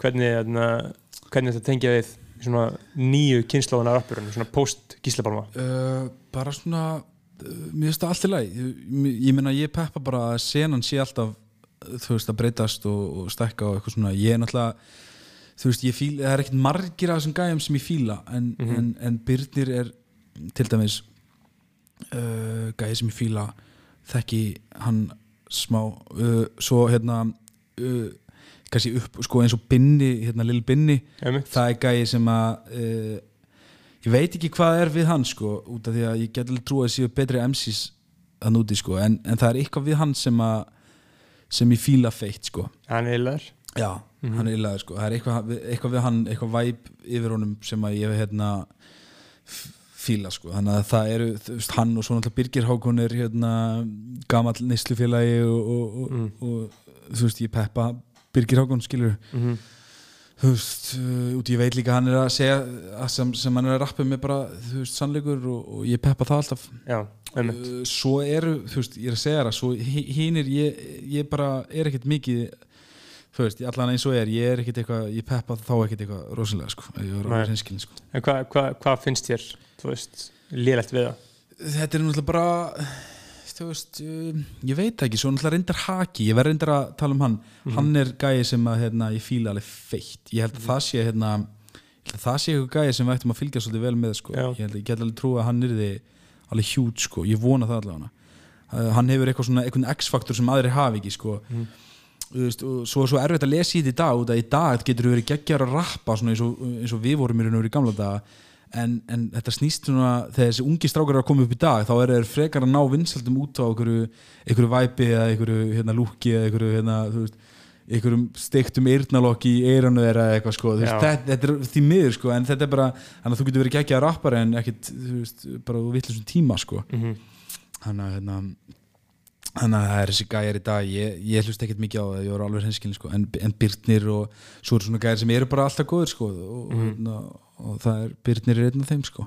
algjörlega, algjörlega einmitt, það er náttúrulega mikið að sko, uh, góð rappi líka koma úr gráðum sko, ef- eftir ykkur sko. Binni, binni úr náttúrulega Binni er, það er svona smá gráur í honum hann Já. er, hann er, svo náttúrulega Aron Kahn, mm -hmm. hann er náttúrulega hérna, G-Town sko einmitt og hérna þannig að já já þú veist og þú veist og svo held ég að Bríett sé líka á gráinum og Já. Chloe og, og eitthvað svona Huginn? er, er auðun nei, huginn já, huginn maður, Já. hann er já ég meina hann sko ég held það, ég þarf að mynda að ræða við hann sko, Já. er hann ekki Cowboys eða? uh, jú, þá er hann ekki fokkin gráin sko. ég er nefnilega held ef þetta væri sko, Já. hann er eitthvað á gráinum sko. Já. þannig að mér fannst svolítið steikt að hann var eitthvað hérna, ykkur hérna, kó- kópa og KB? já, KB banki skilur ég, hérna, ég hefði haldið að hann væri bara G-Town sko en þú veist Ég held, ég held að hann sé eitthvað svona flökkumæður sko. hann er flökkumæður sko, það er alltaf læg Það er einmitt, að það sko Binni einmitt sko, rappaði þið alltaf hart sko. Já, já, við, já. við erum góði vinnir sko, hann kom Já. mér á nýja Dótið þitt Já, sko ekki, já, ég man einmitt sko Já. binni, ég man að ég seldi honum peysuna mína sko áður en að þegar hann var bara í Vestló sko. Já, og hérna þá seldi ég honum peysuna mína og þá var hann bara að peppa, peppa með feitt sko Mhm. og þá vissi ég ekkert hver það var bara þessu nettu gæði skilur já, og það er kannski þessna sem ég fíla hann svona í dag sko. Nei, gaur, svo bara allt í einu hérna þú veist, klöpdöp er eitthvað sem ég, ég, hlusta bara ekki á þannig tónlist en mér finnst hann alltaf, mér finnst hann alltaf bara nettur þar sko og, og þeir báður en Mhm. svo því ég heyrði hann rappa til dæmis hérna, hvar var hann að rappa fyrst? Ég mannaði ekki þú veist, ég man bara að heyrði hann rappa fyrst. Og það var Mhm. bara eitthvað, eitthvað svona eitthvað x-faktor, það var bara eitthvað við hann sem ég fíla feitt sko, svo versið hans í píla með Joey. Já. Eitra sko, mhm. þannig að hérna, ég veit alveg ég og hann eigum eftir að gera eitthvað sko, þú veist. Fuck já maður. Hund, 100 pjör sko. Mhm. þannig að hérna, ég það bara þú veist, ég er náttúrulega líka bara ég er í svo steiktu ferli í lífinu mínu ég er, hérna, eh, er að vinna svo mikið í sjálfum mér með ákveðna hluti sko. Þannig að það er líka ástæðan okkur ég er aldrei að gera neitt og þannig að hérna, um leið og ég er komin 100% í gang uh, hérna, andlega og líkamlega og allt það þá, hérna, þá ég, trúi ég því og er alveg 100% vissum að ég og Binni munum gera eitthvað og, Mhm. og ég og, og, og einhverjir motherfuckers munum gera eitthvað sko, og ég Mhm. bara mun gera eitthvað sko. einmitt Og hvernig, hvernig, hvernig er þetta í þér? Hvað hva, hva aðferðum eru menn að beita? Uh, sko, ég er náttúrulega hérna, þú veist uh, það eru bara, þú veist, ég er náttúrulega alkoholisti Mhm. sem má alls ekki fá mér, sko, þá fyrir allt í fokk, sko. Já, Ég er náttúrulega nýjórum pappi, þannig að Mhm. ég er að, að það er nummer eitt í lífinu mínu núna. Lí- lífið breytti þetta það? Já, rosalega, sko, þannig að það sett í raun og veru allt annað hold líka, Mhm. enn og aftur, sko, þannig að hérna, sem er bara gott og kilt, sko. Um, svo er bara svona andlega ég verið að finna fyrir kvíða í, í fyrsta skipti bara, bara allt í einu fyrir svona tveimur árum Mhm. F- fann ég byrjaði að finna fyrir fokkin kvíða sko, ég held ég hef aldrei talað um það eins og áður sko Mhm. Þannig að hérna, en það er ekkit maður bara vinnur í því. Já, hérna, já, 100 p. En, en, en hérna þannig að ég er svona búin að vera að vinna í því líka sko. Og já, svo er bara lífið er bara fokkin barátta sko, þú veist, þegar maður er hérna uh, já, að harka sko, þannig að hérna, það er bara eins og það er sko, og um leið og, og, og það er allt komið í, eins og á að vera sko, þá Mhm. bind ég svona vonið við það að ég muni fokkin mæta og gera eitthvað gott sko. Búið fyrir þessi góra Nei, þú veist, ég veit ekki, ég, ég hef alltaf verið svona þessi gæði sko, en þetta er svo, þú veist, hva, hvernig á ég að fokki, skilju, á ég að taka, þú veist, hvað, veist, hva, hvernig á ég að dissa þið, þetta er bara einhverjir, þetta er ekki svona, þetta er bara einhverjir söngvarar eitthvað fyrir mér, get, hvað er þeir að gera, skilju, þannig að, þú veist, ég er ekki svona að reyna að vera eitthvað, þú veist, þetta er ekkit svona í dag, ég meina, ég, get, ég veit ekki hvernig ég á að dissa, þú veist, ég meina, hvað heita þessi gæðir, veist, eitthvað nýrappari, já, ég veit ekki svona, hvernig ég myndi dissa. Því, ég meina, hann, hann myndi bara taka veist, syngja eitthvað autotune á móti mér, skilju, Já, já. ég, þeir eru bara unfair, sko. Einmitt, einmitt. Hérna, hérna, nei, nei, það er, ég held að þetta svona beef og eitthvað svona shit, ég held að það sé líka, við vorum að tala um að með hvað þetta er orðið soft í dag, sko, Já, ég held að öll svona beef séu bara, þú veist þetta er bara búið þetta, sko. Ég, þú veist, ég meina, þú veist, það var eitthvað batlum, eitthvað lag hérna hjá Kíló og, og Haug um daginn þeir voru að uh, dissa okkur annan svo komst ég að það var bara eitthvað joke Já, sko. bara ég, eitthvað ég bara, görar, hvað er að gera skilur, en það var Mhm. samt, samt svona gaman að hérna, það var, það var gaman að heyra veit, ég væri svo til að heyra eitthvað svona bíf sko. mér, mér hefur alltaf, ég skal alveg við hérna, mér hefur alltaf langað til að þú veist, ég bara á svo fá óvinni sko. ég væri Mhm. svo til í að, að gera disla á einhvern hérna, og þetta er alltaf keppni veist, veist, það er bara fára alltaf að neita því sko. að rapp Mhm. er alltaf keppni þú ert, alltaf, að- þú ert alltaf að reyna að vera betri en annar, næsti gæði sko. Mhm. og þú veist þannig að hérna, mér er alltaf svona til að dissa eitthvað sko. en, en ég er bara aldrei meika eða ekki eitthvað já Nei. Þú hefur líkt þeim Já, ég lífti þeim sko Já. Nei, þú veist, ég hef bara aldrei átt einu þannig gæja til að dissa Ég, er ekki, ég fer ekki að dissa eitthvað bara á þeim Ég finnst þannig í ljótum skóm sko Nei, nei, þannig að ég hef aldrei haft tilumni til sko. Einmitt. Já, ég held að það væri mjög gott fyrir Íslands rap sko, að núna, núna er kóði búið sko, Já. að spýta þessi nýða Já, sko, guð, það væri, þú veist, ég He- heil, heilbrið samkefni, aldrei eitthvað ofbeldið Nei, nei, klála, klála þannig að, þú veist, e, það væri alveg gaman þú veist, en það, þetta eru bara allt svo, svo rapp í dag. Þetta er allt svo miklu vinir allir, sko, þú veist, það eru hérna þú veist, eins og allir þessir við erum einmitt bara í höfustöðunum núna, sko, bara í eh, höfustöðunum bara nútíma raps Já, út- útvarp 101 útvarp Já. 101 skilur og hérna, þetta er allt bara einhverju homies skilur, Já. það, hvað, veist, það er ekki að fokki neinum skilur, Nei. það, er ekki nema að ég myndi bara fokki þeim skilur, Já. og það ég er náttúrulega ekki einn af þessari klíku sko. Mhm. en, en, en það veist já, já, það var ekki sér gaman en, en það þarf alltaf að vera eitthvað tilefni sko. þú, Já, já. ferði ekki bara og fokkar í ykkur bara, veist, bara að því bara sko. Einmitt.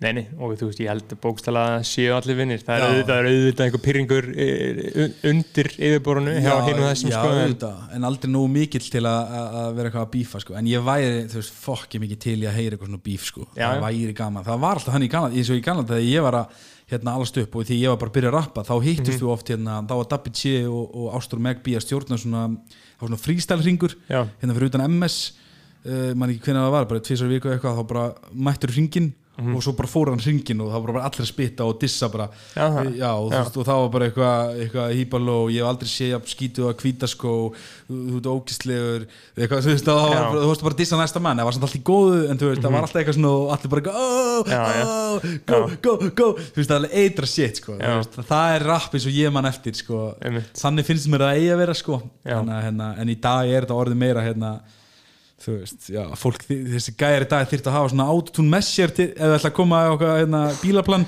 Þá þyrfti að vera með svona lítinn spíkar mic, tengdan í svona, með svona smá autotune. Já, tí- tí- tísi helgang já, þú veist, til að, til eiga eitthvað breyk, sko. En það er eins og það er, ég, hérna, já, já. Einmitt, hvernig heldur við að, hvernig heldur við að nýja tónlistin muni sánda? Að því að þú svona, uh, náttúrulega, fyrir að þú var svolítið reyður, sko, já, já. uh, og það þetta var, þetta var hart. Heldur þú hafið það ennþá í þér núna, búin að, búin að vinna í þér og, barn batn og bara orðin, orðin pappi? já, ég veit ekki, þú veist, ég er náttúrulega hérna, ég hef alveg, þú veist ég, minna, auto, eins og með autotune, ég var að tala um það þú veist, ég er notalega autotune líka, sko ég meina þetta ekki þannig, þetta er bara þú veist, uh, hérna mm, já, en allavega hérna, þú veist, nýja stöffi þú veist, ég, veist, ég veit að ég er bara það er líka bara ástæðan, ég er alltaf bara eitthvað að reyna að finna mig, sko. En ég hugsa að sé að koma nýtt lag út núna áður en að árið endar. Mhm. og ég er að vinna í því að fá einhvern gæja á það með mér. Uh, og hérna það er svona svolítið sandi sem að, að, að hérna, mun vonandi bara verða komið til að vera. Mhm. En, en ég hugsa að ég verði alltaf bara kerandi svona mest allt þú veist, en ég held að þetta reyða harða, harða dæmi sé Já, sennilega búið sko. Mhm. þannig að hérna, ég er ekki að fara að tala um hérna, uh, uh, uh, um, um að meiða eitthvað eða, eða eitthvað svona núna sko. Ég, að- ég, ég, ég, hugsa ekki, ma, ma, aldrei sé aldrei sko. Mhm. en ég hugsa að maður sé nú komin yfir, yfir það sko. Já, það, er- gott. en hafa textanir alltaf verið svona, svona uh, autobio, autobiographical, skilur, hefur alltaf, uh, hefur þetta alltaf verið bara nákvæmlega sem að þú ert að upplifa þarna? Já. og akkurat þitt líf, eða hefur einhvern veginn svona uh, skaldaði eitthvað Já, ég meina bæði og sko. En ég, ég hugsa þessi meira svona bara það sem er í gangi alltaf þarna bara akkurat núna sko. Já, ég hef, þú veist ég er náttúrulega, þú veist þú veist, maður skáldar alveg eins og í gamla dag var, ég, þegar ég var 12 ára þá er ég náttúrulega bara að tala um að þú veist, bara með ykkur að gæja og eitthvað sem ég var ekkert að meiða og eitthvað, og þú veist, ég, maður hefur alveg bulla líka eitthvað, bara svo að sandi. En, en svona með árunum þá hefur maður alltaf verið að, hérna, svona segja sannleikan svona eiginlega sko og hérna uh, bara ekki gert nógu mikið að því ef eitthvað er sko. Þú veist það er sen, sennilega bara mesta eftirsjáum mín sen, sennilega bara eina eftirsjáum mín í þessum á þessum ferli er að hafa ekki gert, gefið út meira. Nú er ég hann 27 ára og ég, þú veist ég er og veru búið með þú veist ákveðin kapli í lífinu mínu sem ég hefði geta vilja gera meira úr sko. Akkurat. Þú veist, ég hefði gera þú veist, miklu meira eitthvað svona fucking ape shit rappi sko. Út af því að hérna, já, en þú veist En, en, en minni, getur ekki bara hugsað til þeirra tíma? Og bara fengið þetta út núna? jú, klála, klála. en ég meina þú veist, ég meina eina leiðin er upp og við höldum bara áfram og, og, og það er bara nýr stíl núna og, en aldrei sé aldrei, þú veist, ég er á allstar sko, og ég er rappari sem að tók þátt í Eurovision ég er hérna var að batla fyrir utan MS ég er hérna hlusta á Solans Jónsmins og mm. upp á strapparum minn er Lil Wayne ég, ég er bara allstar sko, Já. Og ég hlusta, á- á country fyrir þetta sko. Já. þannig að þú veist, ég, þú veist, ég er allstar og ég er einhvern veginn bara þú veist, opinn fyrir öllu, þannig að ég mun aldrei örugglega gefa eitthvað, einhvern stíl alveg upp sko. Mhm. þannig að ég er bara, já já En hvað er það sko uh, al almennt rap uh, hvaða rapparar er það sem þú setur á bara setur heittóluna eða hátaluna hvað sem er og bara fílar meir en allt í heiminum. uh, náttúrulega hérna ég hlusta mikið á Wayne uh, ég er ennþá bara í M&M sko, þú veist, veist M&M bara, þú veist, þá, þá bara aðla mér þess að bara gamla M&M, þú veist, Já. bara áður en hann var mér þess að vinsæll, þú veist, Infinite plötun hans og, og eitthvað svona stöf, þú veist, það er bara uh, svo er ég þú veist, ég hlusta uh, ennþá á Dabba T sko, mm. Og, og málfar. Uh, já. Já, og ég hlusta á hérna, þú veist já, þú veist, ég er bara þú veist, veit ekki alveg svo er ég náttúrulega, Drake er náttúrulega bara þú veist, d- bara endalust Drake þú veist, maður Drake er hann bara alltaf. Mm. og svo Future er svona nýju uppáhald segla, þannig að hérna, ég er svolítið að hlusta á hann þegar ég, þegar ég er að hlusta á rap sko, svo er ég ekki alltaf að hlusta á rap sko, en, en Future er öruglega það er bara eitt nettasti gæði sem ég séð sko. Fucking mestari sko. Ertu með, þú veist, uh, hefur ekki maður hlusta hugsað um hverju finnst þú vera bestur rappar alltaf tíma? Mm. með eitthvað lista eða? Það mm, með, þú veist Guður, M&M guður, þú bara, þú veist, M&M er bara svo hann hefur líka bara svo mikið tilfinningalegt og persónlegt gildi við mig, þannig að ég myndi alltaf segja hann sko, en ég meina það gæði eins og Big L og, og Tupac eru náttúrulega ég held bara þegar við erum ofta að blanda þessum gömlu gæjum í, í umræðinu þá er það líka bara út að þeir eru, veist, það er svona eitthvað tilfinninglegt við það. Út af þú veist, ef að Tupac væri hérna og myndi batla til dæmis eitthvað nýjan gæja Mhm. þessi nýji gæja myndi bara að að mínum að þið eru bara að pakka hann saman þannig sko, en, en, en það er kannski ekki bara spurt af því sko, ég meina þú veist, Tupac var náttúrulega bara meira en rap, veist, ég meina þess vegna er hann kannski fyrir mér, þú veist, ég var meira Tupac heldur en Biggie maður sko, Já, já af, af hverju? Uh, bara einhvern veginn aðalega mitt út af sko ekki rapplega séð sko. Já, Biggie var sennilega betri rappari sko. Já, já. En, en bara Tupac var bara svo hann var bara eitthvað svo stór gæi hann var bara svo Segja sögur og baráttum að já, bara algjör baráttum maður og, og hvernig hann bara, þú veist, hann talaði með mömmu sína og eitthvað, þú veist, ég er bara með svona illa svalu sko. Þannig að ég er svona meiri Tupac maður þannig en þú veist, Mhm. annars sem við ekkert maður á ekki að vera alltaf að splitta þessum gæjum sko. Þeir voru alltaf sko, ég maður tala með það sko Tupac var 25 ára og Biggie 24 ára þegar þeir dó já, pældi því sko. Þeir voru að gefa út bara mistarverk já, þú veist, já, nákvæmlega þannig að hérna og þú veist, ég, ég er 27 ári í dag Já. og búin að gefa út svona 10 lög í, en þú veist, að nefnilega þeir voru fokkin upplugir, sko, Já. snemma að, og ma maður heldur nefnilega að öll þessu umræða Biggie versus Tupac og að það sé svona mikla þetta fyrir sér eitthvað en þú veist, þetta Já. voru bara reynir já, snillingar 100%, skilurðu. 100%, 100% og, þetta var og bara, þess vegna er þetta svo ógeðislega legendary já, dót 100% sko, en, en svo náttúrulega bara, þú veist, náttúrulega líka já, en algjörlega, ég hef hlusta á það báða bara mikið, sko, en þannig að þetta er náttúrulega hæfileikarnir lendu sér ekki, sko, Biggie, Biggie var svona öðruvísi gæði, svona bara, bara geggjaður MC, sko, bara betri rappari í raun og veru, sko. En, en svo Tupac bara bara svona nettu gæði maður. Já, og geggjaður MC líka og svo Mhm. á geggju lög, sko, eins og hérna Hear Him Up með, hérna, sem er einmitt disla á Biggie. Akkurat. Það er bara eitt besta lag sem ég hef heyrt sko. Veist, ég, við strákunni vorum bara eitthvað að hlusta það þegar við vorum bara hérna í ykkur, partíum sko. daga, sko. So fuck your bitch you fat motherfucker. Já, that's right, fuck you bitch, you fat motherfucker.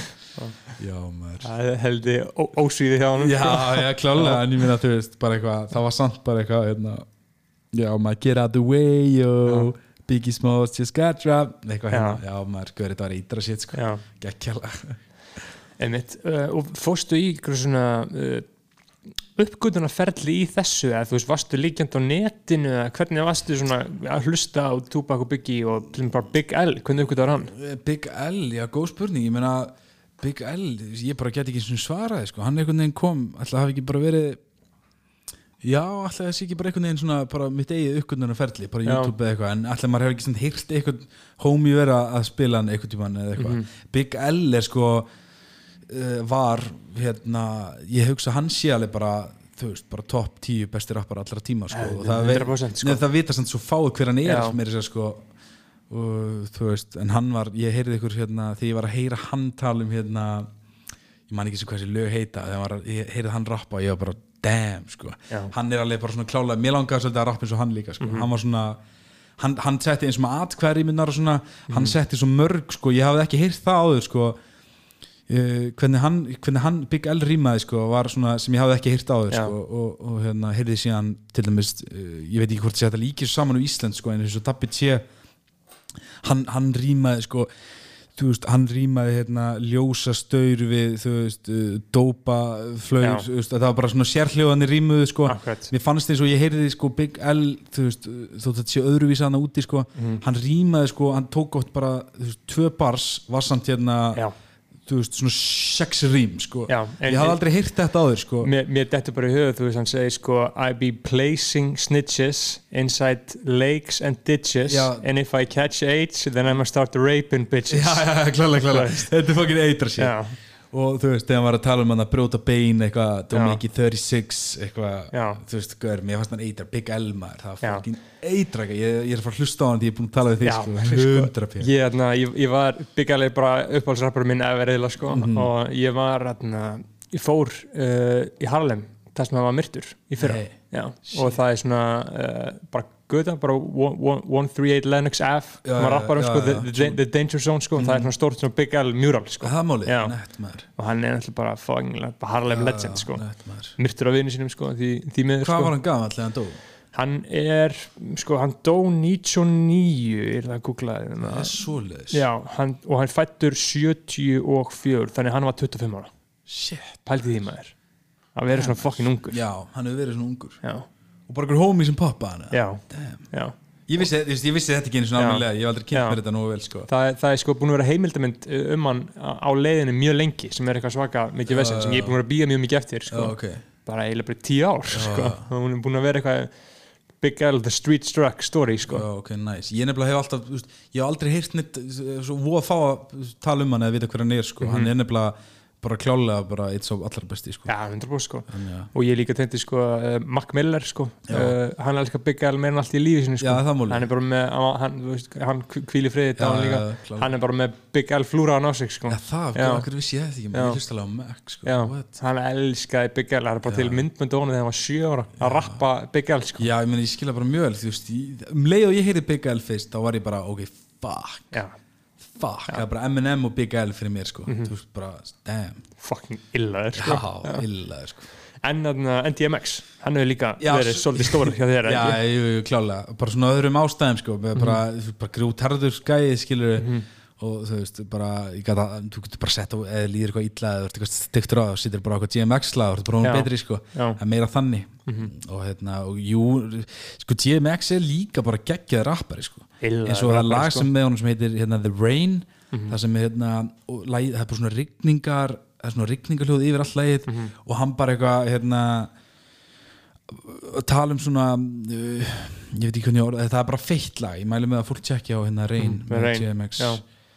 Það, er ekki Spotify sem það er á, á YouTube bara, Mhm. veit ekki alveg okkur og síðan er líka bara sjúklega bara How's it going down Já, sko, eins eh, og Drake samplaði það. já, já, klálega, þessi legendary lög sko. Já, en þú veist, og bara eitthvað what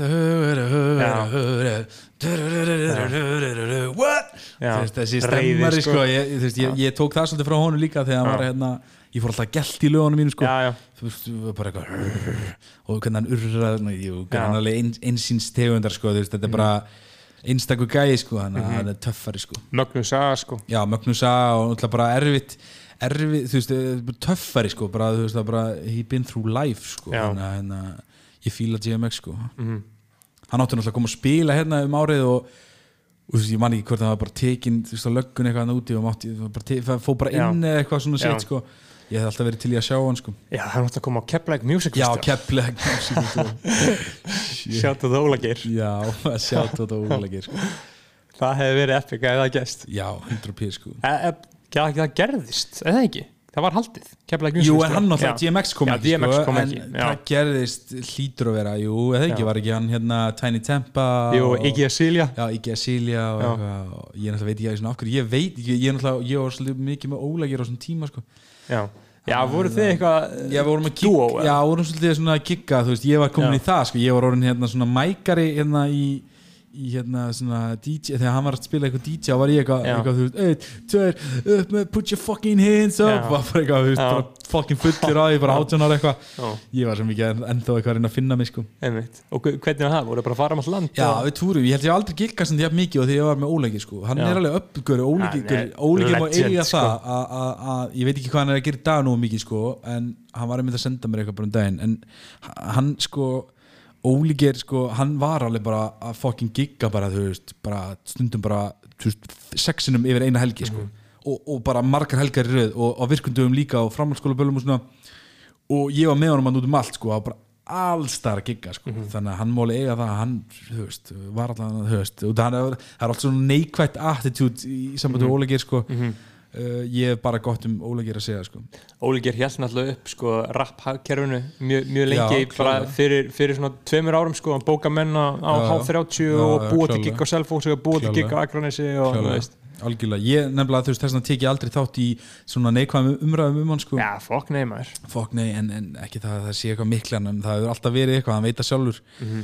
En hérna, ég hef alltaf peppa Ólegir sko. hann, hérna, hann er my man sko. hann er sjáta á þetta Ólegir sko. 100% sko já, En þarna, einmitt, við erum svona búin að fara yfir uh, svolítið mikið allt það helsta, sko. yes sir Þarna, uh, er eitthvað sem, að, er eitthvað sem ekki búin að tala um það? með það Ég, ég er nokkuð vissum ekki, sko. Ég held við séum bara nokkuð góð, við erum búin að fara yfir þetta bara svona nokkuð vel og, og bara hérna En uh, þú finnst náttúrulega heima hennu að uh, Já, kom, koma með uh, hitt fullkomna rapplag. Já, en varstu þá að tala um þú veist, þú ert að tala um þá bara í þið fullkomna rapplag bara ever, þú veist, Já, ekki bara, bara- sem ég myndi gera bara, Nei, bara þú veist, það sem að þér finnst bara vera... þetta, þetta er svolítið erfið spurning Já, þú þetta er það, þú sko. Er- fullkomna rapplag, þú veist, það er bara auðvöld að segja bara, já, viðlega vess eða, þú veist, að tala um, þú veist, eða, Mhm.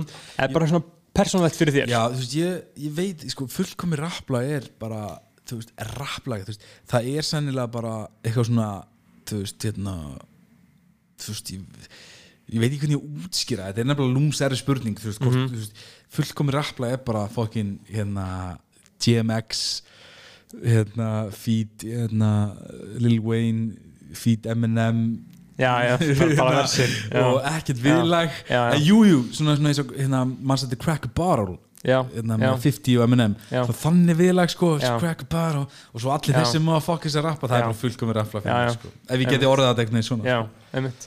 Þannig eru að tala um Crack a Barrel, eða? já, crack a bar og les Já. svolítið fullt ég hef eitthvað að segja það bara. Það er svolítið svona hérna, crack a bar og líka hérna þetta er sem það reyndir mjög ólíklega sko, en crack a bar og hérna She Will með Drake og, og Lil Wayne Einmitt. það er svona eiginlega nútíma fullkomið rappla er svona Já. She Will Mhm. og um, svo hitt hann Crack a Barrel og öll þessi Mhm. GMX lög og, og allt þetta shit sko, það er alveg það er bara fókin klám í erat sko. Já, það er, bara, það er erfitt að, erfitt að sko, velja bara eitthvað eitt sko. Já, það er eiginlega ekki hægt það er sko. ekki hægt sko. Það er svona eitthvað væp sko. það, það, það fer líka bara svo mikið eftir, eftir skampi sko. já, Þú veist, ég myndi alveg sitja þú veist, ef maður eitthvað þunguldur á því það er bara coding crazy með future. Já, já, nákvæmlega. Já, já, nákvæmlega.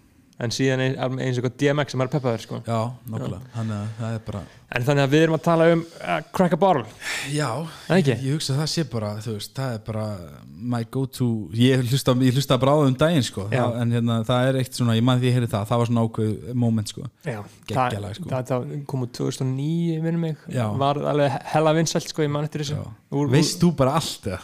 þú veist bara allt ég bara eitthvað en að- GMX, já, Keflæk en að Music Festival, hann man engin eftir nema þú sko. Ég- ég- til þetta öflugum er með það. hinnar á þessar staðarendir sko. klálega, 2009, það meikar alveg sens sko. já, já, já ég ætla ekki að fara að efa þig sko. nei, nei, nei, nei ma, maður var í, var í áttundabekk þannig sko. Þú, hvaða mótir ertu? uh, 95 Þú er 95 Já. og vesturbænum og shit. já, ég heyrði einmitt, þú varst að tala við hérna Dabba T Já. Þú- þá, hann var í hagaskóla Já, þú varst í hagaskóla. Uh, hann var bara, þú veist, ég var í sjöndabekk sko, þegar Malfar Já, kom út sko. það true. var bara illa sko. ég veit það sko, það var alveg ruggla sko. það voru alltaf bara svona plötnar sem breytti líf mínu var bara Ready to Die á Illmatic og Open Malfar sko. já, já, já, já, já, einmitt ég heyrði þeim tala um það að Tupac, Biggie og, og Dabby T já, það er heldur góð blanda sko. Já, góð blanda sko. Dabby T var bara, hann var, hann var svo stór sko. Já, hann er svo bara fólk myndi skilja í dag sko. Já. það er bara það er svo erf, erfitt að mæla einhvern veginn. Já, það er mjög reyndar erfitt Já. að mæla það sko. Þetta er bara, þetta er allt öðru í þessi tíma Já, sko. en eitt sko, hvað finnst þér að besta sem þú hefur gert, hvað er uppáhalds uppáhaldsverkið þitt? Verki mitt um, sko uppbólsverki mitt er sko ég held bara eins og mér komði tilbaka Mhm. sérstaklega eftir að pappi minn dó sko þá einhvern veginn bara festist það svo mikið þú veist ég, ég man að sko það var alltaf bara svona svolítið ég fekk svolítið ógæði sko þú veist Já. mér langaði bara svolítið að hérna, gleyma því eða þú veist var bara, ég var bara þekktu fyrir það Já, og það var bara svona basically mainstream lag og, og, og eitthvað, eitthvað sem ég get ég ger ekkert svona mikið af svona lögum sko. en eftir að pappi minn dó þá hefur það ennþá meira svona tilfinninglegt gildi akkurat. og er bara eiginlega uppbólslægi sem ég hef gert og ástæðan af hverju ég er sá sem ég er, þannig að þetta er allt út af því sko, en svona besta lag sem ég hef gert er sennilega hérna uh, svona með aldur þá er það örgulega illað sem þá er ég 14 ára eða eitthvað og það er svona uh, þú veist 14 ára strákar í dag ég, ég, ég sé það ekki fyrir mér geta gert svona lag sko, eins og Já. ég gerði þá sko Er það á netinu? uh, já, YouTube? það, ég har YouTube Já. og það er hérna í raun og veru ekki takk gott lag en ef þú tekur það inn í myndina ég sé, ég hvort ég sé ekki já, jú, ég er 14 ára Já, þá hérna með þessar línur og, og þessi bars og þessi rím og, og þessi ákveð sko, ég hafa fókin. Mhm. þarna sko, veist og þá hérna, ég respekta það svo mikið sko, þannig Mhm. að hérna, það er sennilega það og svo á maður fullt af svona mjúkum lögum líka sem maður hefur gert, sem maður er svona, svona kannski, eh, góð líka sem Mhm. Hafa bara aldrei litið dagsins ljós sko, sem ég á bara heima og eitthvað þannig að vonandi fyrir maður bara að vera hérna, aktívari Já, maður, við erum að tala um plötu 2001 Já, vonandi, þú veist, ef ég er hérna allan að lag, það kemur vonandi Já. lag núna í desember, annars bara í janúar eitthvað Já. og, og aðeins að reyna hérna, keira þetta í gang maður, ég á svo mikið inni ég hef aldrei viljað gefast, gefið þetta alveg upp sko. Nei, ég á alveg feitt mikið inni Já. og ég þarf aðeins að sína hérna, sína hinum og þessum Já. alveg hérna, að- að hver ég er, það er fullt af þessum gæðum veit ekki eins og hver ég er sko, svo, þú veist þannig að hérna Það er fáir samt Já, ég er sennilega rappar Já. allavega en Já. þessi krakkar í dag hef ekki hugmynd um hver ég er og þú veist, Já. það er bara allir lagi en, en Mhm.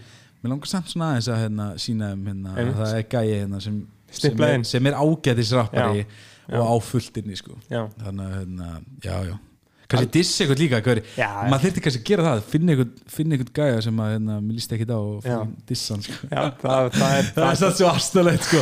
það er svo astanlegt sko. ég er ekki, ekki þar núna, ég hefði þátt að gera það fyrir sko. En það var gott, gott marketing sko. Já, klálega, það væri, veist, það væri gaman allan að heyra eitthvað svona diss Já. Eh, bara hvort sem það sé frá mér eða einhverjum öðrum, sko. Já, ég meina Drake og Meek Miller er nákvæmlega. Og það er bara, ég, harðast það var alveg alvöru dæmi og fólk fylgist líka svo mikið með þessu. Ég held að það er líka bara gott fyrir senuna sko, út að eins og íslenska senan í dag. Ég veit ég er að fara svolítið off topic núna en íslenska senan í dag hún er orðin svo hérna, þú veist eins og ég sögum það er allir orðin svo góð vinir Já, og svo er þetta svo þú veist, þetta er allt svo þú veist, þetta er allt svo soft eitthvað með. Ég, ég, það er raun og verið eina sem ég hef út á að setja þú, veist, þú veist, það er bara, þetta er allt svo soft eitthvað svona, það er allir orðin svo góði vinir og einhverju gæja með hérna bleikt hár og eins og því ég sé Binna sem er bara fokkin, þú veist, minn fokkin maður sko, þegar ég sé hann með einhvern hérna, hérna eyrnalokk sko, niður á axlir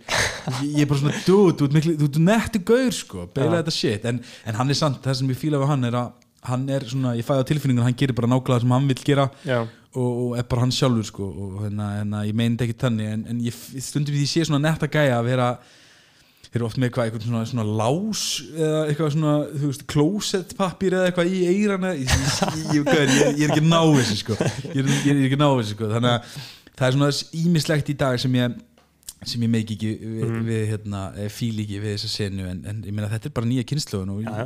þetta er bara það sem er í gangi í dag þið er svori reyðis It is what it is man. Já, maður Hmm. Þetta eru fín uh, orð Það er ekki Þannig að Krismundur, epic að fá þig. Þetta er bara alveg aðeinslegt og við ætlum að við ætlum að hlusta á Greg Ball Já, með uh, Dr. Dre, og 50 Cent. Al, alvöru stöf Já, geggja, takk. Yes sir. Kraftbyrtingarhljómur Guðdónsins er í bóði Júsú eins og alltaf frá degi eitt. Kraftbyrtingarhljómur Guðdónsins og Júsú